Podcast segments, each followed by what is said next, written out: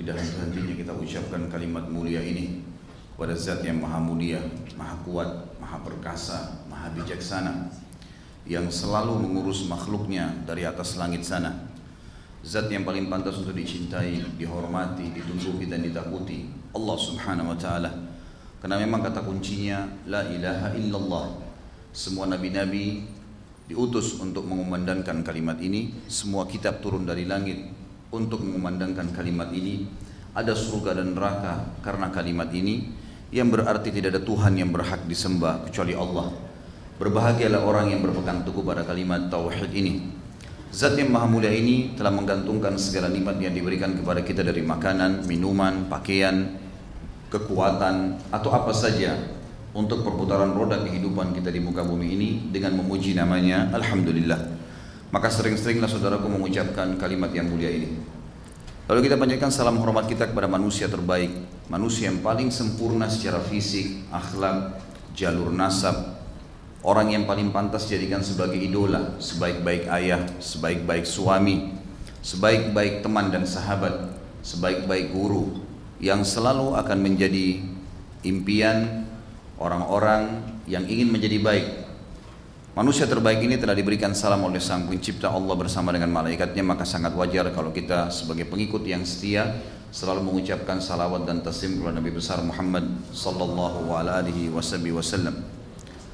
Teman-teman sekalian, seperti biasa, setiap sebulan sekali kita adakan tablik akbar tentang serial tokoh-tokoh terbaik manusia setelah para nabi, yaitu sahabat-sahabat Nabi Muhammad sallallahu alaihi wasallam. Dan dengan izin Allah dan karunia Allah kita sudah berhasil membahas 14 sahabat sebelumnya dan pada sore ini semoga Allah berkahi kita masuk ke sahabat yang ke-15 seorang tokoh yang mulia bernama Anas bin Malik radhiyallahu anhu yang di judulnya saya sudah minta teman-teman panitia menulis pembantu Nabi Muhammad sallallahu alaihi wasallam. Tentu sebelum kita masuk ke panjang lebar tentang Anas radhiyallahu anhu, tetap saya akan mengatakan selamat datang para penuntut ilmu dan selalu hadir di majelis ilmu saudaraku seiman. Berikan sebuah atau tanamkan sebuah simbol dalam hidup Anda semuanya. Tidak ada hari tanpa ilmu dan ilmu di sini adalah ilmu syar'i.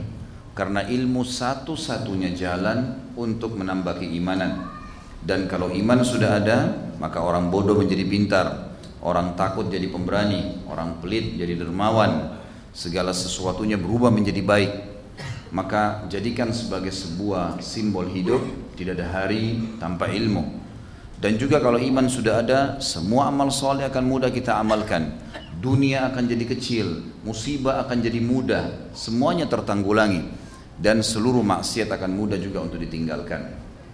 Juga teman-teman sekalian mempelajari sahabat ini sangat penting. Karena mereka manusia biasa seperti kita kalau nabi-nabi memang manusia biasa juga tapi dipilih oleh Allah. Cuma para sahabat, orang-orang yang menemani para nabi. Lebih kurangnya sangat dekat dengan kita. Maka mudah, lebih mudah lagi kita mencontohi mereka. Terlebih lagi jumlah sahabat yang sangat banyak menyempurnakan informasi tentang baginda Nabi Muhammad SAW. Jadi makin banyaknya orang yang berteman dengan beliau, maka makin banyak informasi yang bisa kita dapatkan sehingga makin sempurna tuntunan hidup kita. Salah satu yang sangat mulia dari para sahabat ini adalah pembantu Nabi Muhammad SAW, Anas bin Malik. Sungguh orang ini telah mendapatkan karunia yang sangat besar dan karunia ini tidak semuanya orang miliki, termasuk di kalangan sahabat. Karena menjadi pembantu Nabi Muhammad SAW artinya akan selalu bersama-sama dengan Nabi. Mengurus pakaian Nabi, mengurus pesanan makanan Nabi, ngobrol, memasang pelana kurma e, e, untahnya dan kudahnya, menemani peperangan, menjadi orang yang sangat dekat dengan Nabi SAW. Banyak sahabat yang dekat, tapi pembantu ini berbeda. Namun seperti biasanya teman-teman sekalian, tradisi saya menggunakan atau membahas sahabat, saya akan mulai dengan ad-durus wal ibar dulu. Pelajaran dan ilmu yang kita bisa ambil dari tokoh kita ini.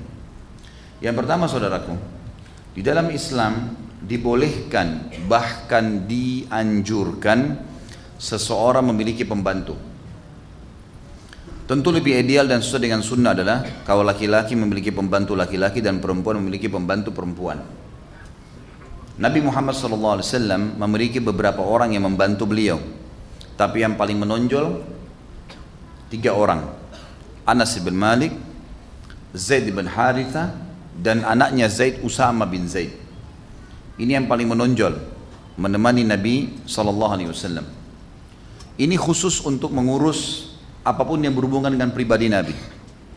Sampai Nabi SAW kalau masuk rumah mereka yang membukakan pintunya Nabi SAW membuka sendalnya, mereka yang meletakkan. Nabi SAW ingin mengganti bajunya, maka mereka mengambilkan. Istri-istri Nabi tentu ada. Tetapi mereka ini selalu mendampingi Nabi SAW. Di mana saja, selalu membantu Nabi. Nabi SAW juga punya seseorang yang khusus, khusus mengusus, mengurus unta dan kuda beliau. Bernama Anjasha. Kalau kita sekarang mungkin bahasanya supir. Orang ini Tugasnya membersihkan, memandikan unta dan kuda Nabi SAW, memasang pelanahnya, mengganti sepatu kuda unta, eh, eh, eh, sepatu kuda. Kuda itu memiliki kelap, eh, telapak kaki yang ada seperti sepatunya, itu sering diganti. Kemudian juga eh, membersihkan kotoran, mengurusnya lah. Ya. Khusus itu. Dan kalau istri-istri Nabi Ummahatil Mu'minin Ridwanullahi alaihinna itu mau keluar, maka Anjasya yang mengantarnya. Anjasha yang mengantarnya. Sebuah hadis masyhur bahwasanya Nabi SAW pernah diizini oleh beberapa istri Nabi kurang lebih 3 sampai 4 orang dari istri Nabi keluar ingin pergi hajat sama-sama pergi. Kemudian naik ke atas unta yang unta ini memang dibuatin dua eh, di pundaknya dua buah keranjang besar ya atau kotak besar yang memang untuk dinaikin oleh orang di kanan dan di kiri. Bisa dua orang dua orang. Naiklah empat orang ummahatil mu'minin di satu unta ini. Kemudian Anjasya membawa unta itu. Baru saja jalan Anjasya ini punya suara yang indah sekali. Jadi Anjasya ini sering melanturkan syair-syair yang kalau dia mau lunakkan untanya kalau dia mau panggil dia lantunkan suaranya maka unta itu datang Waktu baru jalan, Anjasya ingin membuat supaya unta ini jalan, nyaman, ya, tidak terganggu maka dia melantunkan syair-syairnya. Baru saya dilantunkan untahnya ini menggoyang-goyangkan kepalanya sampai unta ini uh, gera, uh, geranda yang ada di belakang itu sempat goyang. Maka sabda Nabi SAW yang masyhur mahlan ya, ya anjasya alal khawarir. Ya. Hati-hati hai anjasya dengan botol-botol kacaku. Maksudnya para istri Nabi. Jadi intinya adalah ada anjasya, ada seseorang di sini, ada pembantu pribadi Nabi SAW, ada yang urus untuk, untuk untahnya dan kudahnya, Nabi SAW juga menggunakan bodyguard kalau kita sekarang. Orang yang mendampingi beliau, membela beliau ada. Di antara yang masyhur adalah Abu Musa al-Ash'ari radhiyallahu anhu. Riwayat yang masyhur dalam riwayat Bukhari kalau beliau pernah Nabi SAW merendam kakinya di air di sebuah kebun, lalu Abu Musa al-Ash'ari menjaga pintu kebun itu, tidak ada yang boleh masuk. Maka datanglah Abu Bakar lalu minta izin mengatakan wahai Abu Musa, izinkan saya pada Nabi SAW, saya ingin masuk. Kata Abu Musa baik, tunggulah di sini, saya akan minta izin dulu. Kalau Rasulullah SAW izinkan kamu, silakan masuk. Padahal ini Abu Bakar, mertua Nabi. Semua sahabat tahu kedudukannya yang sangat mulia. Tapi tugas Abu Musa ada di sini. Tidak boleh sembarangan masuk kecuali sudah izin dengan Nabi SAW. Maka Abu Musa pun melapor kepada Nabi ya Rasulullah, sesungguhnya Abu Bakar minta izin masuk. Kata Nabi SAW, izinkan dia masuk. Dan sampaikan berita gembira kalau dia termasuk penghuni surga. Masuklah, Abu Bakar duduk di sisi kanan Nabi SAW yang waktu itu Nabi musim panas lalu beliau merendam kakinya di air dingin ini juga termasuk sunnah ya termasuk sunnah di musim panas kita bisa merendamkan kaki kita di kaki di air dingin sehingga tubuh kita menjadi dingin atau kalau di musim dingin dibalik direndam dengan air panas gitu ya Nabi SAW melakukan itu dan ini termasuk sunnah yang banyak orang tidak kerjakan ya. yang jelas teman-teman sekalian duduklah Abu Bakar di sebelah Nabi SAW sisi kanan dan waktu itu Nabi SAW menggulung baju beliau sampai ke lutut supaya tidak kena air dan Abu Bakar pun mengikutinya. Dalam kemudian datang Umar dan pamit juga mengatakan, Ya Abu Musa izinkan saya pada Nabi SAW saya ingin masuk. Kata Abu Musa baiklah tunggu di sini. Kalau Nabi SAW izinkan kamu saya akan izinkan. Masuk ke dalam mengatakan ya Rasulullah Umar minta izin. Kata Nabi SAW izinkan dia masuk dan sampaikan kalau dia termasuk penghuni surga dan beritakan kalau dia akan mati syahid. Masuklah Umar, duduk sebelah kiri Nabi SAW, lakukan hal yang sama. Rendam kaki di ember yang sama, di tempat di wadah yang sama. Ya, kemudian e, menggulung bajunya sampai ke lutut. Lalu datang Uthman bin Affan dalam riwayat ini, ini penutupan riwayatnya, mengatakan, Hai Abu Musa, izinkanlah saya kepada Nabi SAW, saya ingin masuk bertemu. Kata Abu Musa sama. Sabarlah di sini, kalau seandainya Rasulullah SAW izinkan, saya akan izinkan kamu masuk. Lapor ya Rasulullah, Uthman minta izin. Kata Nabi SAW, izinkan dia masuk dan sampaikan kalau dia akan masuk surga dan pada saat dia meninggal akan ditutup dengan cobaan. Cobaan. Karena Uthman bin Affan dibunuh oleh para kaum pemberontak Khawarij. Yang jelas teman-teman sekalian waktu Nabi Uthman bin Affan masuk, Nabi SAW menurunkan bajunya, menutup lutut beliau. Maka Abu Bakar berkata sama Umar, ya Rasulullah tadi waktu kami berdua masuk anda tidak tutup, kenapa sekarang anda tutup? Kata Nabi SAW, tidakkah saya malu dengan laki-laki yang malaikat pun malu padanya. Maksudnya Uthman bin Affan. Yang jelas teman-teman sekalian, ringkas cerita yang kita ingin sampaikan dari riwayat ini, adanya Abu Musa al-Ash'ari sebagai pendamping Nabi SAW. Abu Musa al-Ash'ari adalah pendamping Nabi dan penjaga Nabi di mana pun Nabi pergi ke kota Madinah. Nabi ke pasar, Abu Musa di sebelahnya. Nabi tadi duduk di kebun ditemani oleh Abu Musa. Abu Musa ini jadi pengawal khusus. Tapi dalam kota, di luar kota, di kancah peperangan, Nabi SAW punya bodyguard lain lagi. Artinya ada orang-orang yang mendampingi Nabi SAW. Itu adalah Zubair bin Awam. Dan pernah kita jelaskan fadilahnya. Waktu Nabi SAW menembus benteng Khaybar, kemudian di sana ternyata ada satu orang Yahudi keluar, tingginya mendekati pohon kurma. Sangat tinggi sampai Nabi SAW mengatakan, kira-kira menurut kalian berapa tingginya orang ini? Waktu dia berdiri dekat pohon kurma hampir sama tinggi gitu. Maka ada yang mengatakan kira-kira enam ya enam ya enam lutut ukurannya enam lutut ini enam enam kali setengah meter. Ya. Itu sudah luar biasa gitu kan. Ini kurang lebih hampir 3 meter tingginya orang ini. Maka kata Nabi SAW, dia nantang duel orang itu. Siapa yang akan melawan orang ini? Maka Zubair mengatakan saya Rasulullah.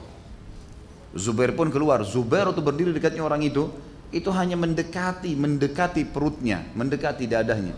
Saking besarnya orang itu. Duel akhirnya dan dengan luar biasa hikmah Allah dengan keterampilan perang Zubair berhasil mengalahkannya bahkan menebas leher Yahudi yang besar tadi.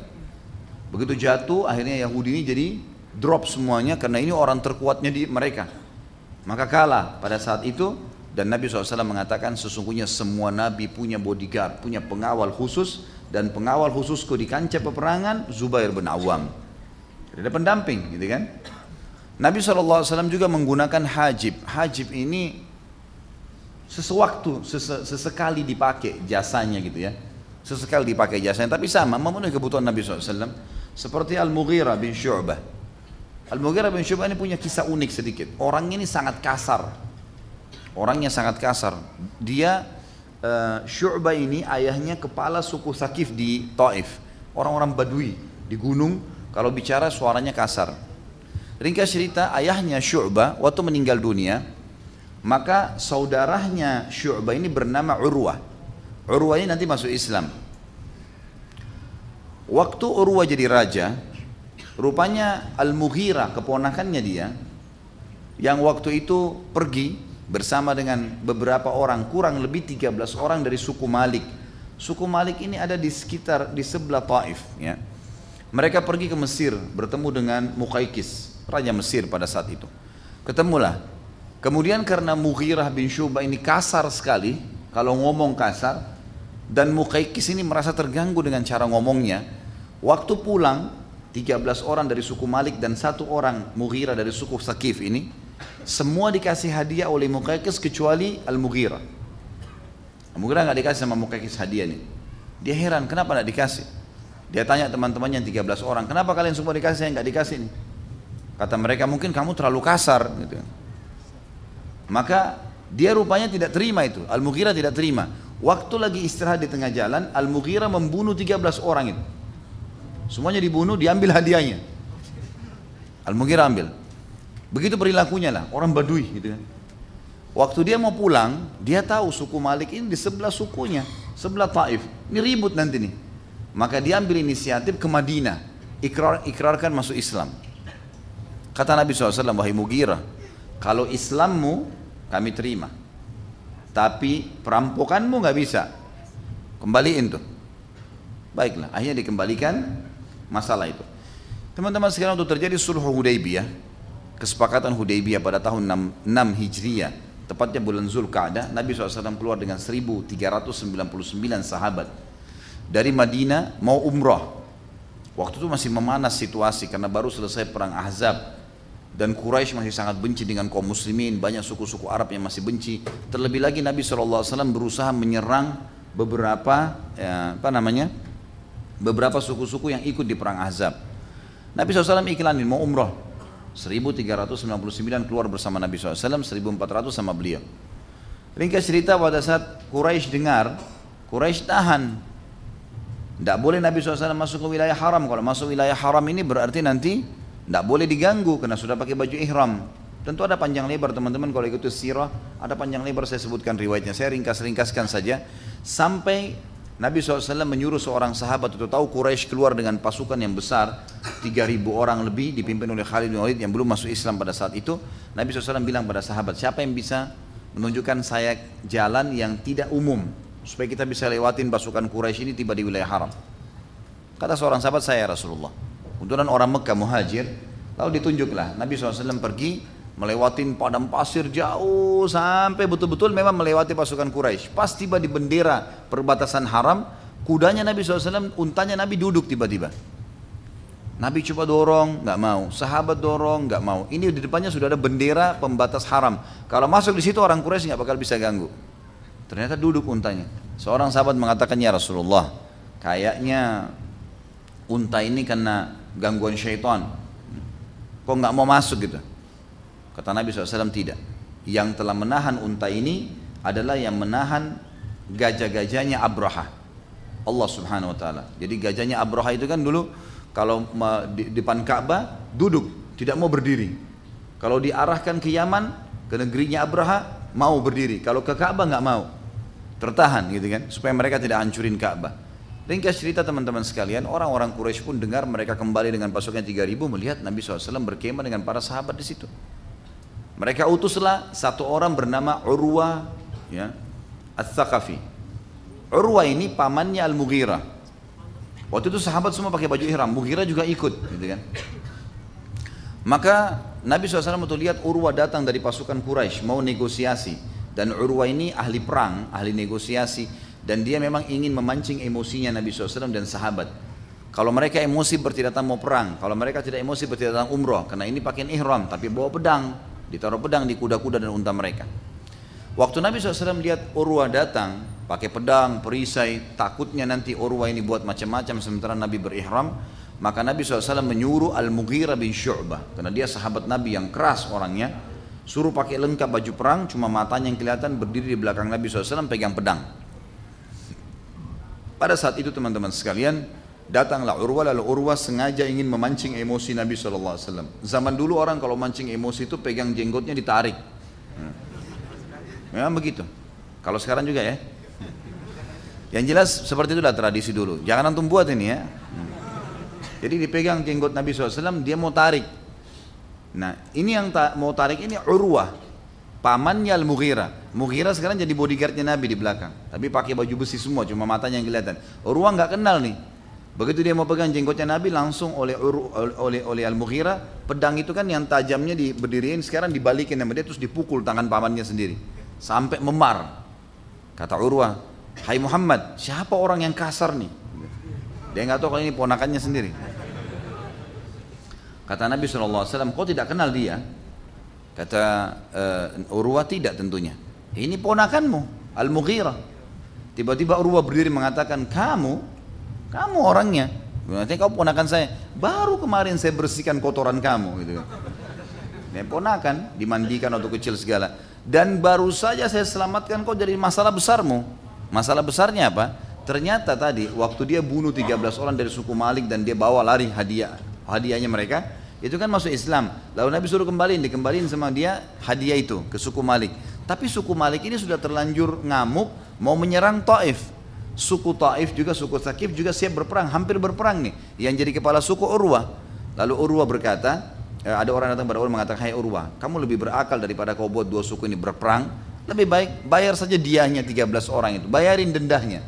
Waktu itu orang kalau bunuh orang lain bayar 10 10 eh, ekor unta. Kalau ada orang dibunuh, bayar denda 10 ekor unta maka tidak dibunuh dia. Bayarlah sama Urwah untuk ponakannya Al-Mughirah. Maka Urwah bilang, baru saja saya selesaikan masalah besarmu kemarin, saya yang tebus tuh.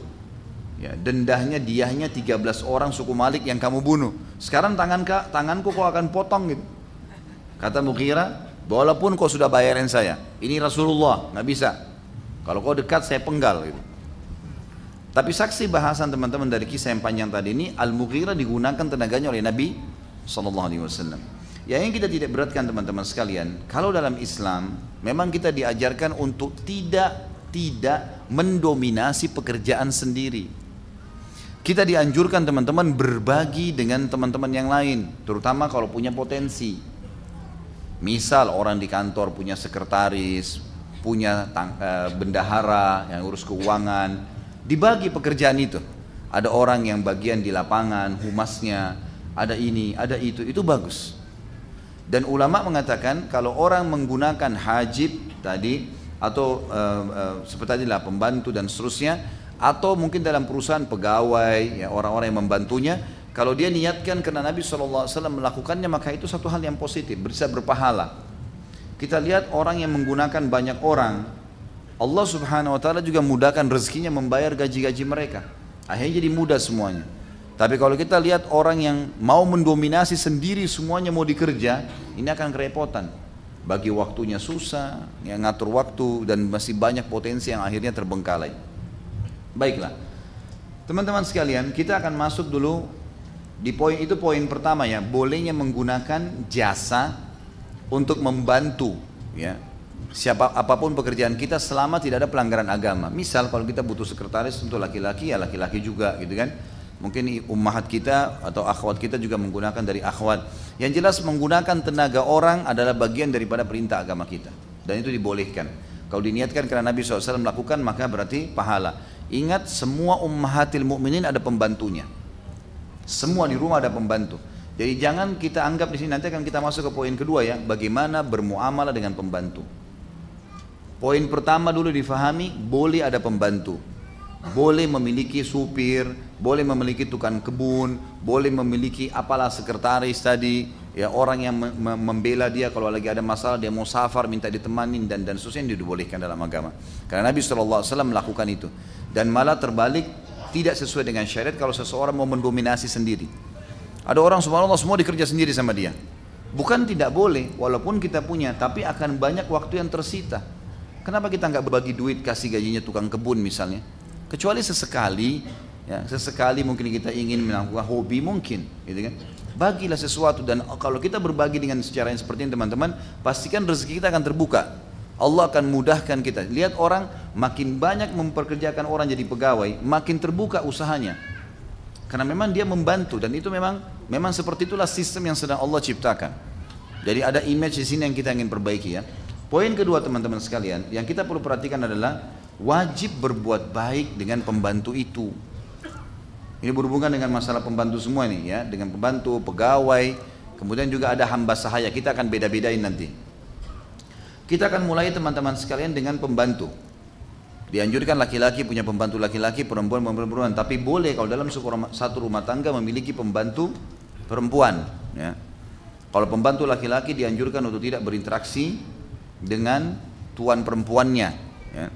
Kecuali sahaya, ada hukum sendiri nantinya akan dibahas itu. Yang jelas teman-teman sekalian, kalau memang di rumah itu ada pembantu, seorang bibi, mbak yang membantu misalnya, maka itu dibolehkan dalam agama. Tetapi tidak boleh kalau ada ikhtilat dalam arti kata khalwat ya, berdua saja. Misal seorang laki-laki kemudian dibantu oleh seorang perempuan saja, ini nggak boleh. Atau seorang perempuan dibantu oleh seorang laki-laki saya ini nggak boleh. Tapi kalau satu keluarga besar maka dibolehkan. Baik, kita masih sebenarnya begini saja. Ya, uh, ibroh yang pertama yang kita ambil adalah bolehnya menggunakan pembantu. Lalu kita sebutkan atau tenaga-tenaga pegawai, tenaga kerja dan seterusnya. Kita akan masuk di sub bahasan ini, di ibroh ini adalah husnul muamalah ma'al khadim. Harusnya kita berbuat baik dengan para pembantu-pembantu kita. Beranjak daripada hadis Nabi SAW di dalam hadis Bukhari Muslim yang berbunyi Anil Ma'mur, Anil Ma'mur ibn Suwaid qal, ra'aitu Abu Dharr radhiyallahu anhu wa alaihi hullatun wa ala gulamihi mithlaha. aku telah melihat Abi Dhar, sahabat Nabi yang mulia, dia memakai hulla. Hulla itu pakaian yang mewah, pakaian yang bagus. Dan pembantunya, laki-laki mendampingi dia, memakai baju yang sama, warna yang sama, jenis yang sama. Fasa'altu an dzalika. Lalu saya tanya kepada Abu Dzar tentang masalah itu. Fadzakara annahu kana sabba rajulan ala ahdi Rasulillah SAW fa'ayyara bi ummi. Bahwasanya dia pernah satu waktu mencaci maki seseorang yang sedang bekerja dengan dia, gitu kan? Sampai membuat orang itu kayak malu terhina karena ini pembantu, udah kamu pakai baju yang begini saja jangan baju sama dengan saya misalnya, gitu kan? Maka Nabi SAW waktu menemui Abu Idhar waktu di Mekah mengatakan Inna kambru'um fika jahiliyah. Hum ikhwanukum wa khawalukum. Ja'alallahu tahta aidikum Faman kana akhuhu tahta yadihi Falyut'imhu mimma ya'kul.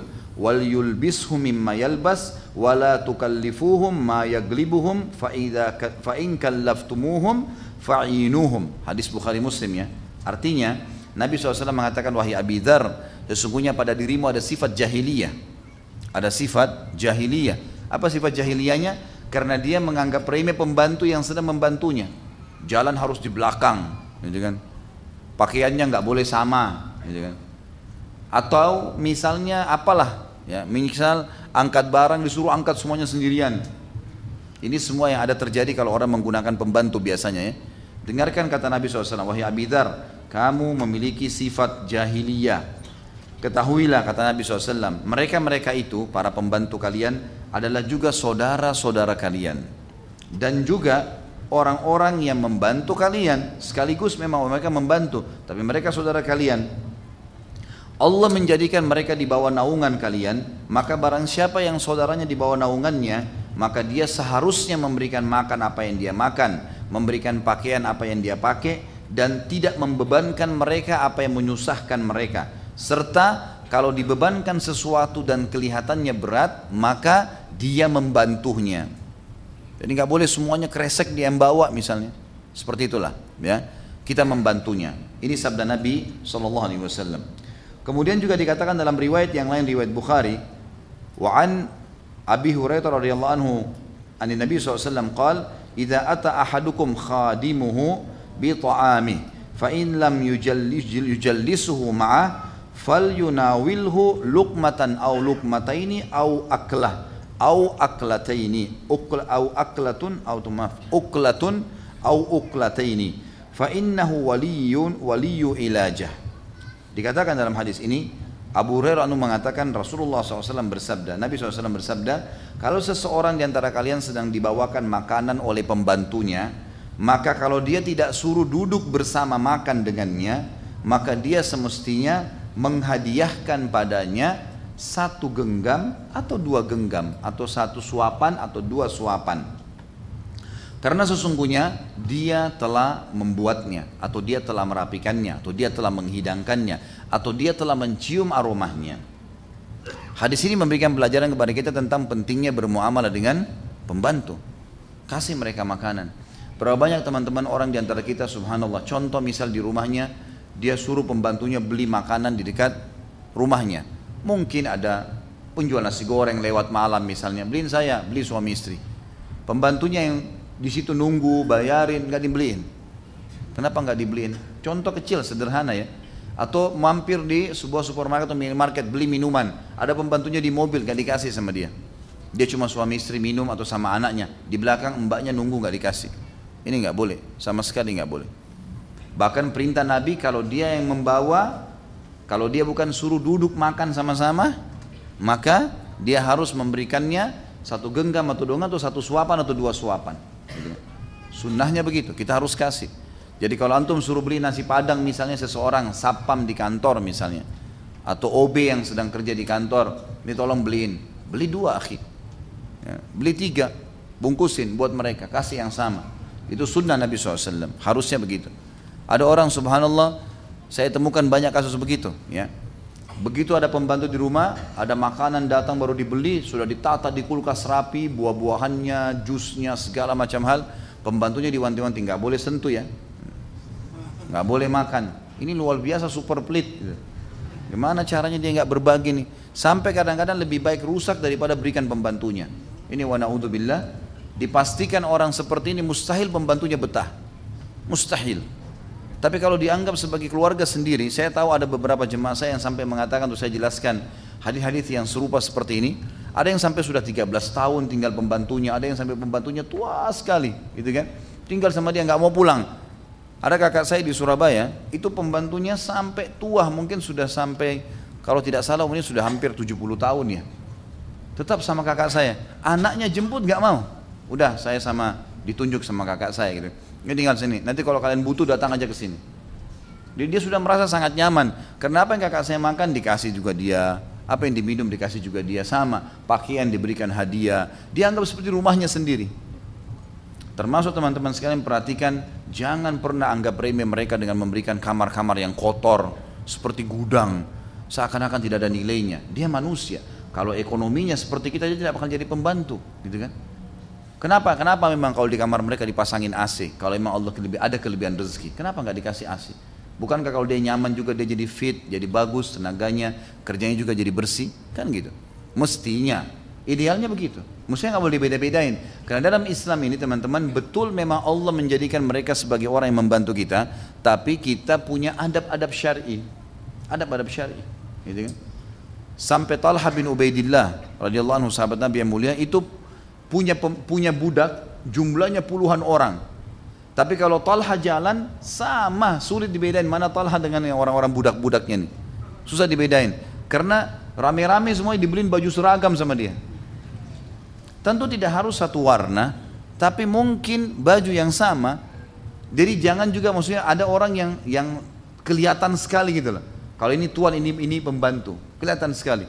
Karena dari pakaian, dari sendal jepitnya, dari penampilannya semua kelihatan beda sekali. Kenapa ini harus begitu? Ya. Harusnya jangan ya.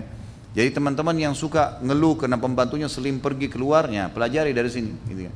Karena mereka sangat pelit, makanan sulit, pakaian juga sulit gitu kan. Sampai kadang-kadang pakai pakaian di rumah itu sudah pakaian yang sangat kumuh gitu. Saya berapa kali ingatkan istri saya hati-hati. Apa pun yang kamu pakai, ada sesuatu kasih, berbagi gitu kan. Dahulukan mereka. Maka diberikan, berikan makan, bagi. Begitu ada datang buah, bagi. Berikan dulu mereka, baru taruh buat saya. Baru taruh buat kita. Jadi beli anggur, beli apel, beli bagi dulu. Kasih dulu mereka, sudah dibagi buat mereka baru bawa ke kita. Supaya hilang rasa sombong, rasa merasa lebih. Karena memang sudah bersyukur Allah jadikan mereka mau membantu kita, gitu kan? Sudah syukur. Hati-hati teman-teman, jangan bilang, oh karena saya kasih gaji. Dari mana gaji? Allah yang mudahin buat kita kerja dan dapat uang. Jangan sampai sombong ya. Ini penting untuk dipelajari. Hadis ini memberikan pelajaran kepada kita yang sangat luar biasa. Ya. Baik, itu masalah pembantu. Artinya dalam Islam boleh pakai pembantu, gitu kan? Allah berikan antum rezeki, pakai tenaga, nggak masalah, gitu kan? Yang rawat ini, yang rawat itu tuh pakai tenaga-tenaga mereka dan insya Allah Allah akan berikan rezekinya. Ini kalau pembantu. Sekarang kita pindah kalau uh, pekerja, pegawai, perusahaan kah, kita buka usaha, pakai tenaga pegawai teman-teman sekalian. Tentu cari saudara-saudara muslim yang baik, Kemudian kita kerjasama dengan mereka. Itu pun kita berbaur dengan mereka. Jangan sampai kesannya karena atasan nggak pernah senyum, nggak pernah salam, gitu kan? Saya kalau masuk ke restoran saya, maka saya bercanda sama teman-teman pegawai. Ngumpul, duduk, ngobrol-ngobrol, bercanda. Saya tanya sudah berapa juz kamu hafal, datang. Kenapa tadi telat? Kenapa begini? Kok bajunya seperti ini? Sambil bercanda. Kadang-kadang mereka tertawa, gitu kan? Tidak ada sesuatu, tidak ada jarak. Kenapa harus merasa bahwasanya kita lebih dari orang lain? Itu kan?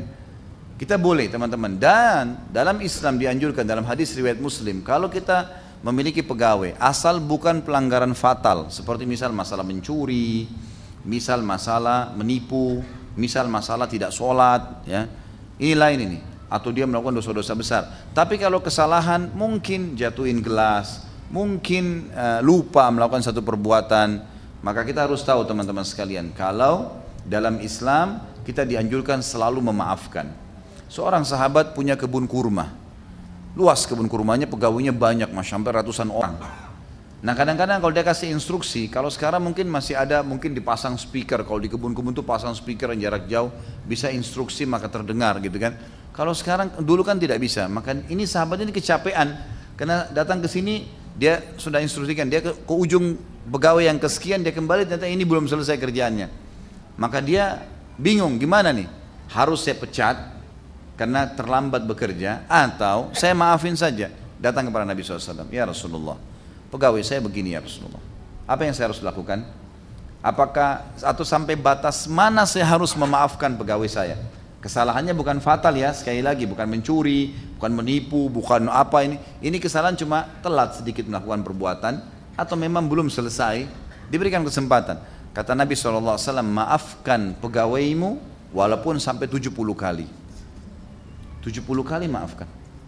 Lalu teman-teman pegawai jangan bilang Ustadz Khalid bilang ini kesempatan kita bisa dimaafin 70 kali. Atasan antum harus tahu hadis itu Pak gitu kan. Ini salah, jangan juga begitu ya. Karena harus kita juga menghormati dia yang sudah memberikan kita pekerjaan. Ini kenapa kita fokus kepada atasan ke bawahannya? Karena umumnya memang atasannya biasa yang sombong gitu kan. Tapi jangan juga teman-teman kita bekerja lalu kita balik unsur ini. Karena para sahabat menghormati Nabi SAW. Anas bin Malik walaupun pembantu dan dianggap saudara oleh Nabi SAW. Tapi mereka menghormati Nabi SAW. Nabi SAW pernah menyuruh Anas bin Malik. Anas bin Malik ini jadi pembantu Nabi dari umur 9 tahun sampai umur 19 tahun, 10 tahun. Dan mulianya adalah waktu datang ke Madinah, ibunya dia bernama Ummu Hani. Ibu Anas namanya Ummu eh, maaf, eh, eh, ibunya namanya Ummu Sulaim. Ummu Sulaim radhiyallahu anha. Ummu Sulaim ini suaminya tentu meninggal dalam keadaan kafir ya. Ayahnya Anas ini Malik ini meninggal dalam keadaan kafir, jadi kita tidak bahas. Tapi Ummu Sulaim ini sahabat yang mulia. Jadi pada saat suaminya pun tidak mau masuk Islam, Kemudian sempat terbunuh, dia keluar dari Madinah, kemudian diserang oleh beberapa perampok, akhirnya mati terbunuh dalam keadaan kafir, belum masuk Islam. Ummu Sulaim hidup sendiri, membesarkan anaknya. Waktu Nabi SAW masuk ke Madinah, maka Ummu Sulaim sangat bahagia karena Nabi SAW datang ke Madinah dari Mekah. Sudah beriman mereka sebelumnya dari di tangan Musab bin Umair radhiyallahu anhu. Maka uh, Ummu Sulaim membawa Anas dan mengatakan ya Rasulullah, ini anak saya, saya sangat sayang dengan dia maka saya menghibahkan dia untuk membantu anda. Udah, Anas ini tinggal di sini. Urus semua kebutuhan anda. Dari 9 tahun dipekerjakan kepada Nabi SAW. Maka Nabi SAW menerimalah. Dan Anas pun merasa tentram dengan Nabi SAW. Apa kata Anas menceritakan? Dalam hadis Bukhari, saya menjadi pembantu 10 tahun di rumah Nabi Muhammad SAW. Belum pernah satu kali pun saya temukan Nabi SAW berkata kasar atau membentak-bentak baik istri-istrinya ataupun pembantu-pembantunya. Satu kali pun tidak pernah. Padahal pembantu itu selalu bersama kan. Tapi nggak pernah sama sekali. Jadi kita lihat bagaimana pengakuan Anas bin Malik. Dan dia mengatakan satu hari pernah saya keluar disuruh oleh Nabi SAW untuk hajat. Kemudian di pinggir, waktu saya keluar dari rumah Nabi SAW, saya lewati halaman masjid. Ada anak-anak yang sebaya dengan saya lagi main-main. Biasa anak kecil main-main, saya pun lupa hajatnya Nabi. Saya ikut main-main dengan teman-teman sebaya saya itu. Tiba-tiba di belakang saya saya dengarkan suara yang saya itu tahu itu adalah suara Nabi saw mengatakan wahai Unais. Jadi orang Arab teman-teman sekalian kalau dia mau panggil panggilan sayang, kayak Anas diperkecil Unais. Itu panggilan sayang. Seperti bahasa kita itu Hai Anas yang sayang gitu ya. Seperti uh, Nabi SAW memanggil juga Aisyah radhiyallahu anha karena putih kulitnya dan pipinya kemerah-merahan maka wanita yang memilih atau warna merah untuk wanita bahasa Arabnya hamra ya hamra tapi Nabi SAW bilang humaira diperkecil lagi itu nama panggilan sayang namanya waktu Anas bin Malik pembantu Nabi ini disuruh beli sesuatu dan dia tidak melakukannya karena bermain-main sama temannya apa kata Nabi SAW wahai Unais panggilan sayang padahal pembantunya lagi nggak pekerjaan-pekerjaan nih Wahai Unais, tidakkah kau selesaikan hajatku dulu, baru kamu bermain? Cuma begitu saja. Maka Anas mengatakan, ya ya Rasulullah, baiklah. Lalu kemudian dia pergi menyelesaikan urusan Nabi Sallallahu Alaihi Wasallam. Jadi Nabi SAW sangat santun dan sangat baik teman-teman sekalian. Tentu dalam pekerjaan juga kita dianjurkan mencari pegawai-pegawai teman-teman ini yang mukmin, yang beriman, yang bisa dipercaya. Umar bin Khattab menekankan sekali harusnya semua orang yang menjadi pegawai dan yang mendampingi kita adalah orang-orang mukmin. Makanya beliau pada saat menjadi khalifah yang paling pertama, semua gubernur di wilayah Islam harus sahabat yang mukmin, yang paling hebat ilmunya dan imannya. Ditaruh. Nanti sahabat-sahabat yang jadi gubernur itu dijadikan di tangan-tangan kanannya lagi orang-orang yang membantu masalah administrasi, ya, masalah strategi perang. Nanti ada yang dampingin lagi. Tapi mereka-mereka ini diangkat dulu menjadi pemimpin. Seperti itulah. Dan dia menganggap bahwasanya orang yang mengenal Tuhannya, kata Umar yang orang mengenal Tuhannya pasti akan memberikan hak makhluk, gitu kan. Seperti itulah gambarannya. Baik, itu kalau berhubungan dengan pegawai. Sekarang kita masuk ke masalah hamba sahaya. Kalau terjadi peperangan antara muslimin dengan orang kafir, pernah saya jelaskan di beberapa masa, bahasan kita yang lalu, maka kita mendapatkan hamba sahaya. Kalau terjadi perang, jihad, kemudian kita menang, semua yang di pasukan kafir menjadi hamba sahaya kita. Hamba sahaya bisa diperjualbelikan, gitu kan? Sudah pernah saya jelaskan panjang lebar hukumnya pada saat menjelaskan eh, hukum-hukum uh, yang sebelumnya ya, uh, beberapa sahabat yang sebelumnya. Tapi ada yang ingin saya tambahkan.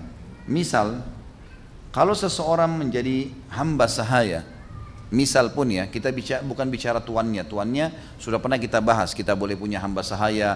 Mereka bisa menjadi pembersihan dosa namanya kafarah. Ya. Mereka bisa menjadi uh, penyebab kita dapat pahala dengan fakur raqabah. Bebasin saja. Gitu. Kalau orang menjadi budak teman-teman sekalian, jangan jangan dianggap itu buruk. Belum tentu buruk. Apalagi kalau dia masuk Islam. Karena ada hadis yang menyebutkan fadilah orang jadi budak malah. Kalau jadi budak. Bukan kita disuruh jadi budak, enggak. Tapi kalau ada orang yang kita tangkap di medan perang tertawan lalu dia masuk Islam jadi budak kita, maka kalau dia muslim, dia bisa mendapatkan pahala yang sangat besar. Coba kita renungi misalnya hadisnya. Riwayat Imam Bukhari Muslim. Kata Nabi sallallahu alaihi wasallam, "Innal 'abda idza nasaha idza nasaha li sayyidihi wa ahsana ibadatallah falahu ajruhu marratain." Kalau seandainya seorang hamba sahaya itu benar-benar dia tulus melayani tuannya, majikannya, karena dia milik majikannya bisa diperjualbelikan, gitu kan? Kalau dia tulus melayani majikannya, menasehatinya dengan benar, dan dia menjaga ibadahnya yang baik sama Allah, maka khusus hamba seperti ini, budak ini punya double pahala ibadah. Double pahala ibadah. Jadi kalau orang bebas kayak kita pun teman-teman bisa dikalahkan pahalanya dengan budak. Apa yang kita ambil benang merah dari hadis ini? Ternyata nggak boleh nganggap remeh budak ini, gitu kan? Nggak boleh anggap remeh dari pembantu, nggak boleh anggap remeh pegawai. Walaupun ada unsur timbal balik juga, tentu mereka juga harus menghormati, gitu kan? Ada hadis yang lain juga. Abu Hurairah anu meriwayatkan dalam hadis Bukhari Muslim, lil abdil mamlukil muslih ajran, walladhi nafsi Abi Hurairah biyadi, laula al-jihadu fi sabilillah wal hajj wa birra ummi la ahbabtu an amuta wa ana mamluk. Kata Abu Hurairah anhu sesungguhnya budak seorang budak yang masih di bawah naungan tuannya belum bebas masih budak.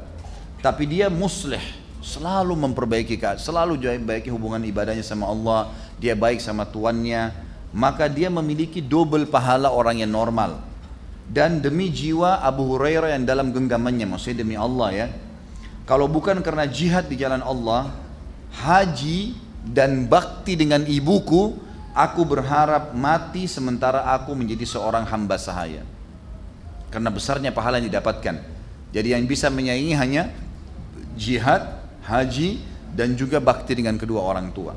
Ini menurut pendapat sahabat tadi Sekali lagi, benang merahnya adalah kita dilarang untuk menghardik mereka, menganggap remeh mereka. Karena teman-teman sekalian mungkin sekarang kondisi kita lagi aman, tidak ada peperangan misal. Tapi bukan mustahil satu waktu terjadi jihad, antum akan hadapin tuh. Kalau berhadapan dengan pasukan lalu kita menang, memang mereka jadi hamba sahaya. Nah banyak orang memperlakukan tawanan. Kalau orang-orang kafir teman-teman sekalian bobrok sekali. Dipukulin, disiksa, gitu kan. Dalam Islam tidak seperti itu nggak boleh sama sekali. Nggak boleh mukul. Sampai kata Nabi SAW siapa yang memukul hamba sahayanya dengan tuduhan-tuduhan dusta maka dia akan dihukum oleh Allah pada hari kiamat. Di dunia mungkin tidak ada orang bisa hukum karena ini budaknya hamba sahayanya. Tapi di akhirat Allah tetap akan hukum. Jadi kita harus faham tentang masalah seperti ini. Kemudian juga Abu Musa al-Ash'ari radhiyallahu anhu mengatakan di dalam sebuah hadis riwayat Imam Bukhari Qala Rasulullah sallallahu alaihi wasallam al-mamluku alladhi yuhsinu ibadata rabbah wa yuaddi ila sayyidihi alladhi alaihi minal haqqi wan nasiha wat ta'ata lahu ajran. Sesungguhnya seorang hamba sahaya yang memperbaiki ibadahnya dengan Tuhannya dan selalu memberikan hak tuannya yang harus dia berikan serta dia menasihati dengan baik dan taat kepadanya pada hal yang bukan berbau maksiat akan mendapatkan double pahala. Hadis yang lain riwayat Imam Bukhari Muslim juga berbunyi sama dari Abu Musa Abu Musa al-Ashari mengatakan kalau Rasulullah SAW salasatun lahum ajran. Ada tiga golongan manusia dalam Islam yang akan mendapatkan double pahala. Double pahala.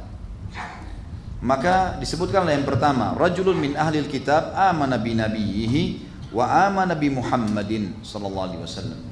Seseorang dari ahli kitab Yahudi dan Nasrani yang beriman kepada nabinya kemudian melanjutkan imannya dengan beriman kepada risalah Muhammad sallallahu alaihi wasallam masuk Islam.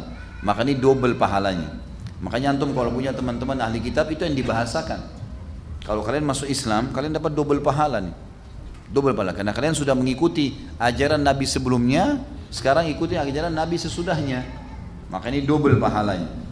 Yang kedua adalah wal abdul mamluk idza adda haqqallahi wa haqqa mawalih seorang hamba sahaya yang memberikan hak Tuhannya dan memberikan hak eh, hak Tuhannya dan hak tuannya. Kalau dia berikan maka double pahalanya. Yang ketiga, warajulun kana lahu amatun fa'addabaha fa ahsana ta'dibaha wa 'allamaha fa ahsana ta'limaha thumma a'taqaha fatazawwajaha farahu ajran. Yang ketiga, seorang laki-laki yang memiliki budak wanita.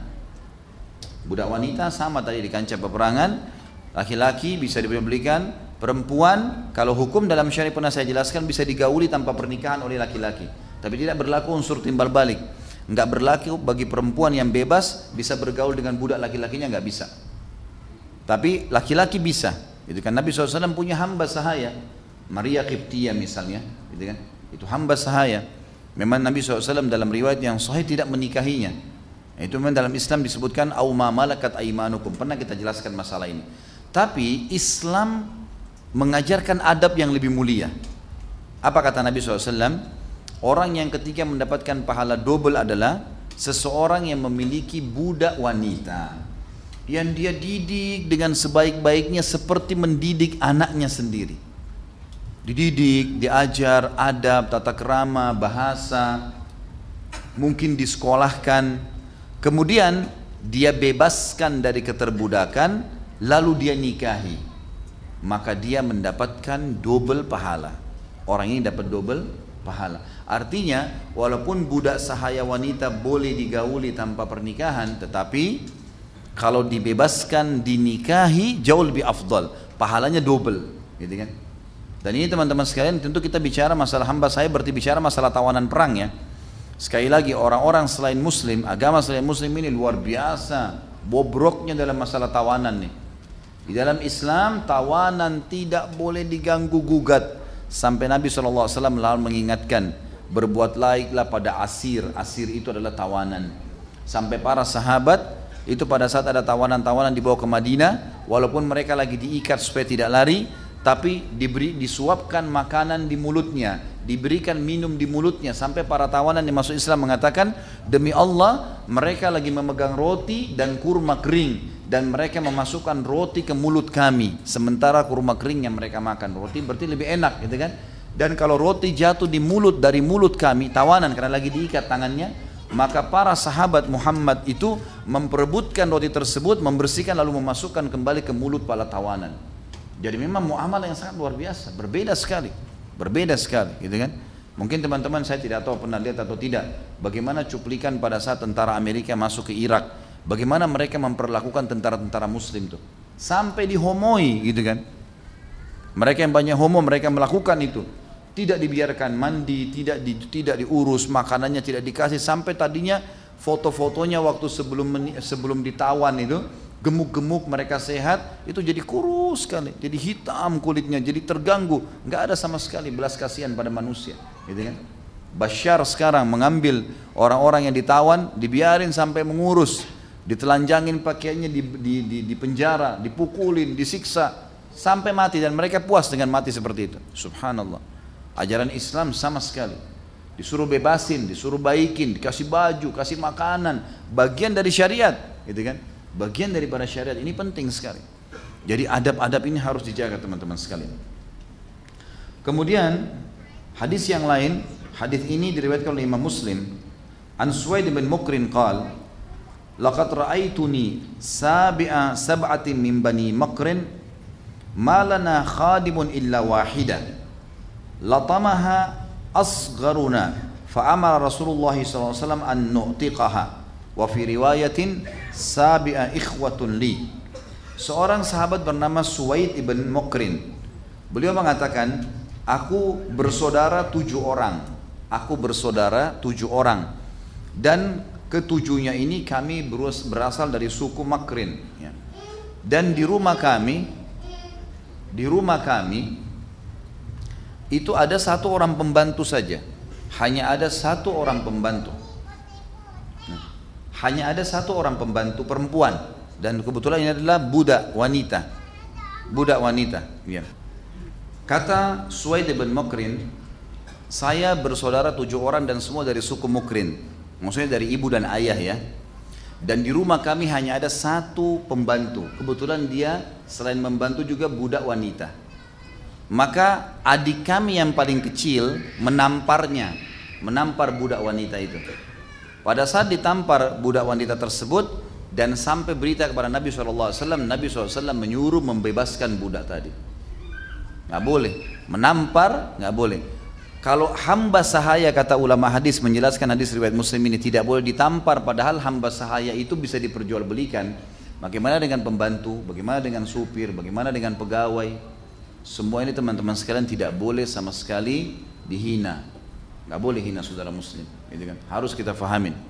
Subhanallah, saya ambil pelajaran dari guru-guru kami dulu di Madinah. Itu kalau masuk di kelas teman-teman, masuk di kelas ya. Masuk ngobrol, dia sampaikan materi segala. Tapi kalau sudah ketemu di luar, biasa. Ngobrol, bercanda. Bahkan kadang-kadang subhanallah dalam majlis ilmu di Masjid Nabawi, saya pernah bertemu dengan guru-guru saya, duduk di sebelah saya tuh. Belajar dari ulama yang sama. Padahal ini guru-guru kami sudah doktor di kampus, sudah luar biasa, dosen, sudah menjadi rujukan. Duduk dalam majelis halakah, duduk sama orang-orang. Berapa banyak orang yang tidak bisa melakukan ini.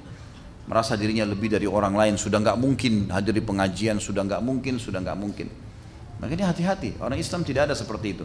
Sesuatu yang benar, sesuatu yang wajar, nggak ada masalah. Bahkan Nabi Muhammad SAW dikatakan dalam riwayat teman-teman sekalian, Nabi SAW itu bisa tangannya dipegang oleh budak wanita ya, budak perempuan anak kecil di Madinah dan bisa membawanya ke mana saja. Jadi kan Nabi SAW saking toleransinya dengan masalah ini. Riwayat yang lain, Abu Mas'ud radhiyallahu anhu sahabat Nabi yang mulia, ini sempat hadir di perang Badar ya, terkenal. Ini bukan Abdullah bin Mas'ud lain, ini Nabi Mas'ud dan sahabat Nabi yang lain lagi.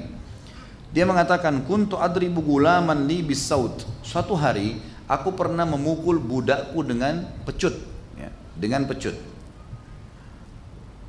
Fasamitu sautan min khalfi i'lam Aba Mas'ud falam afhamus saut minal ghadab.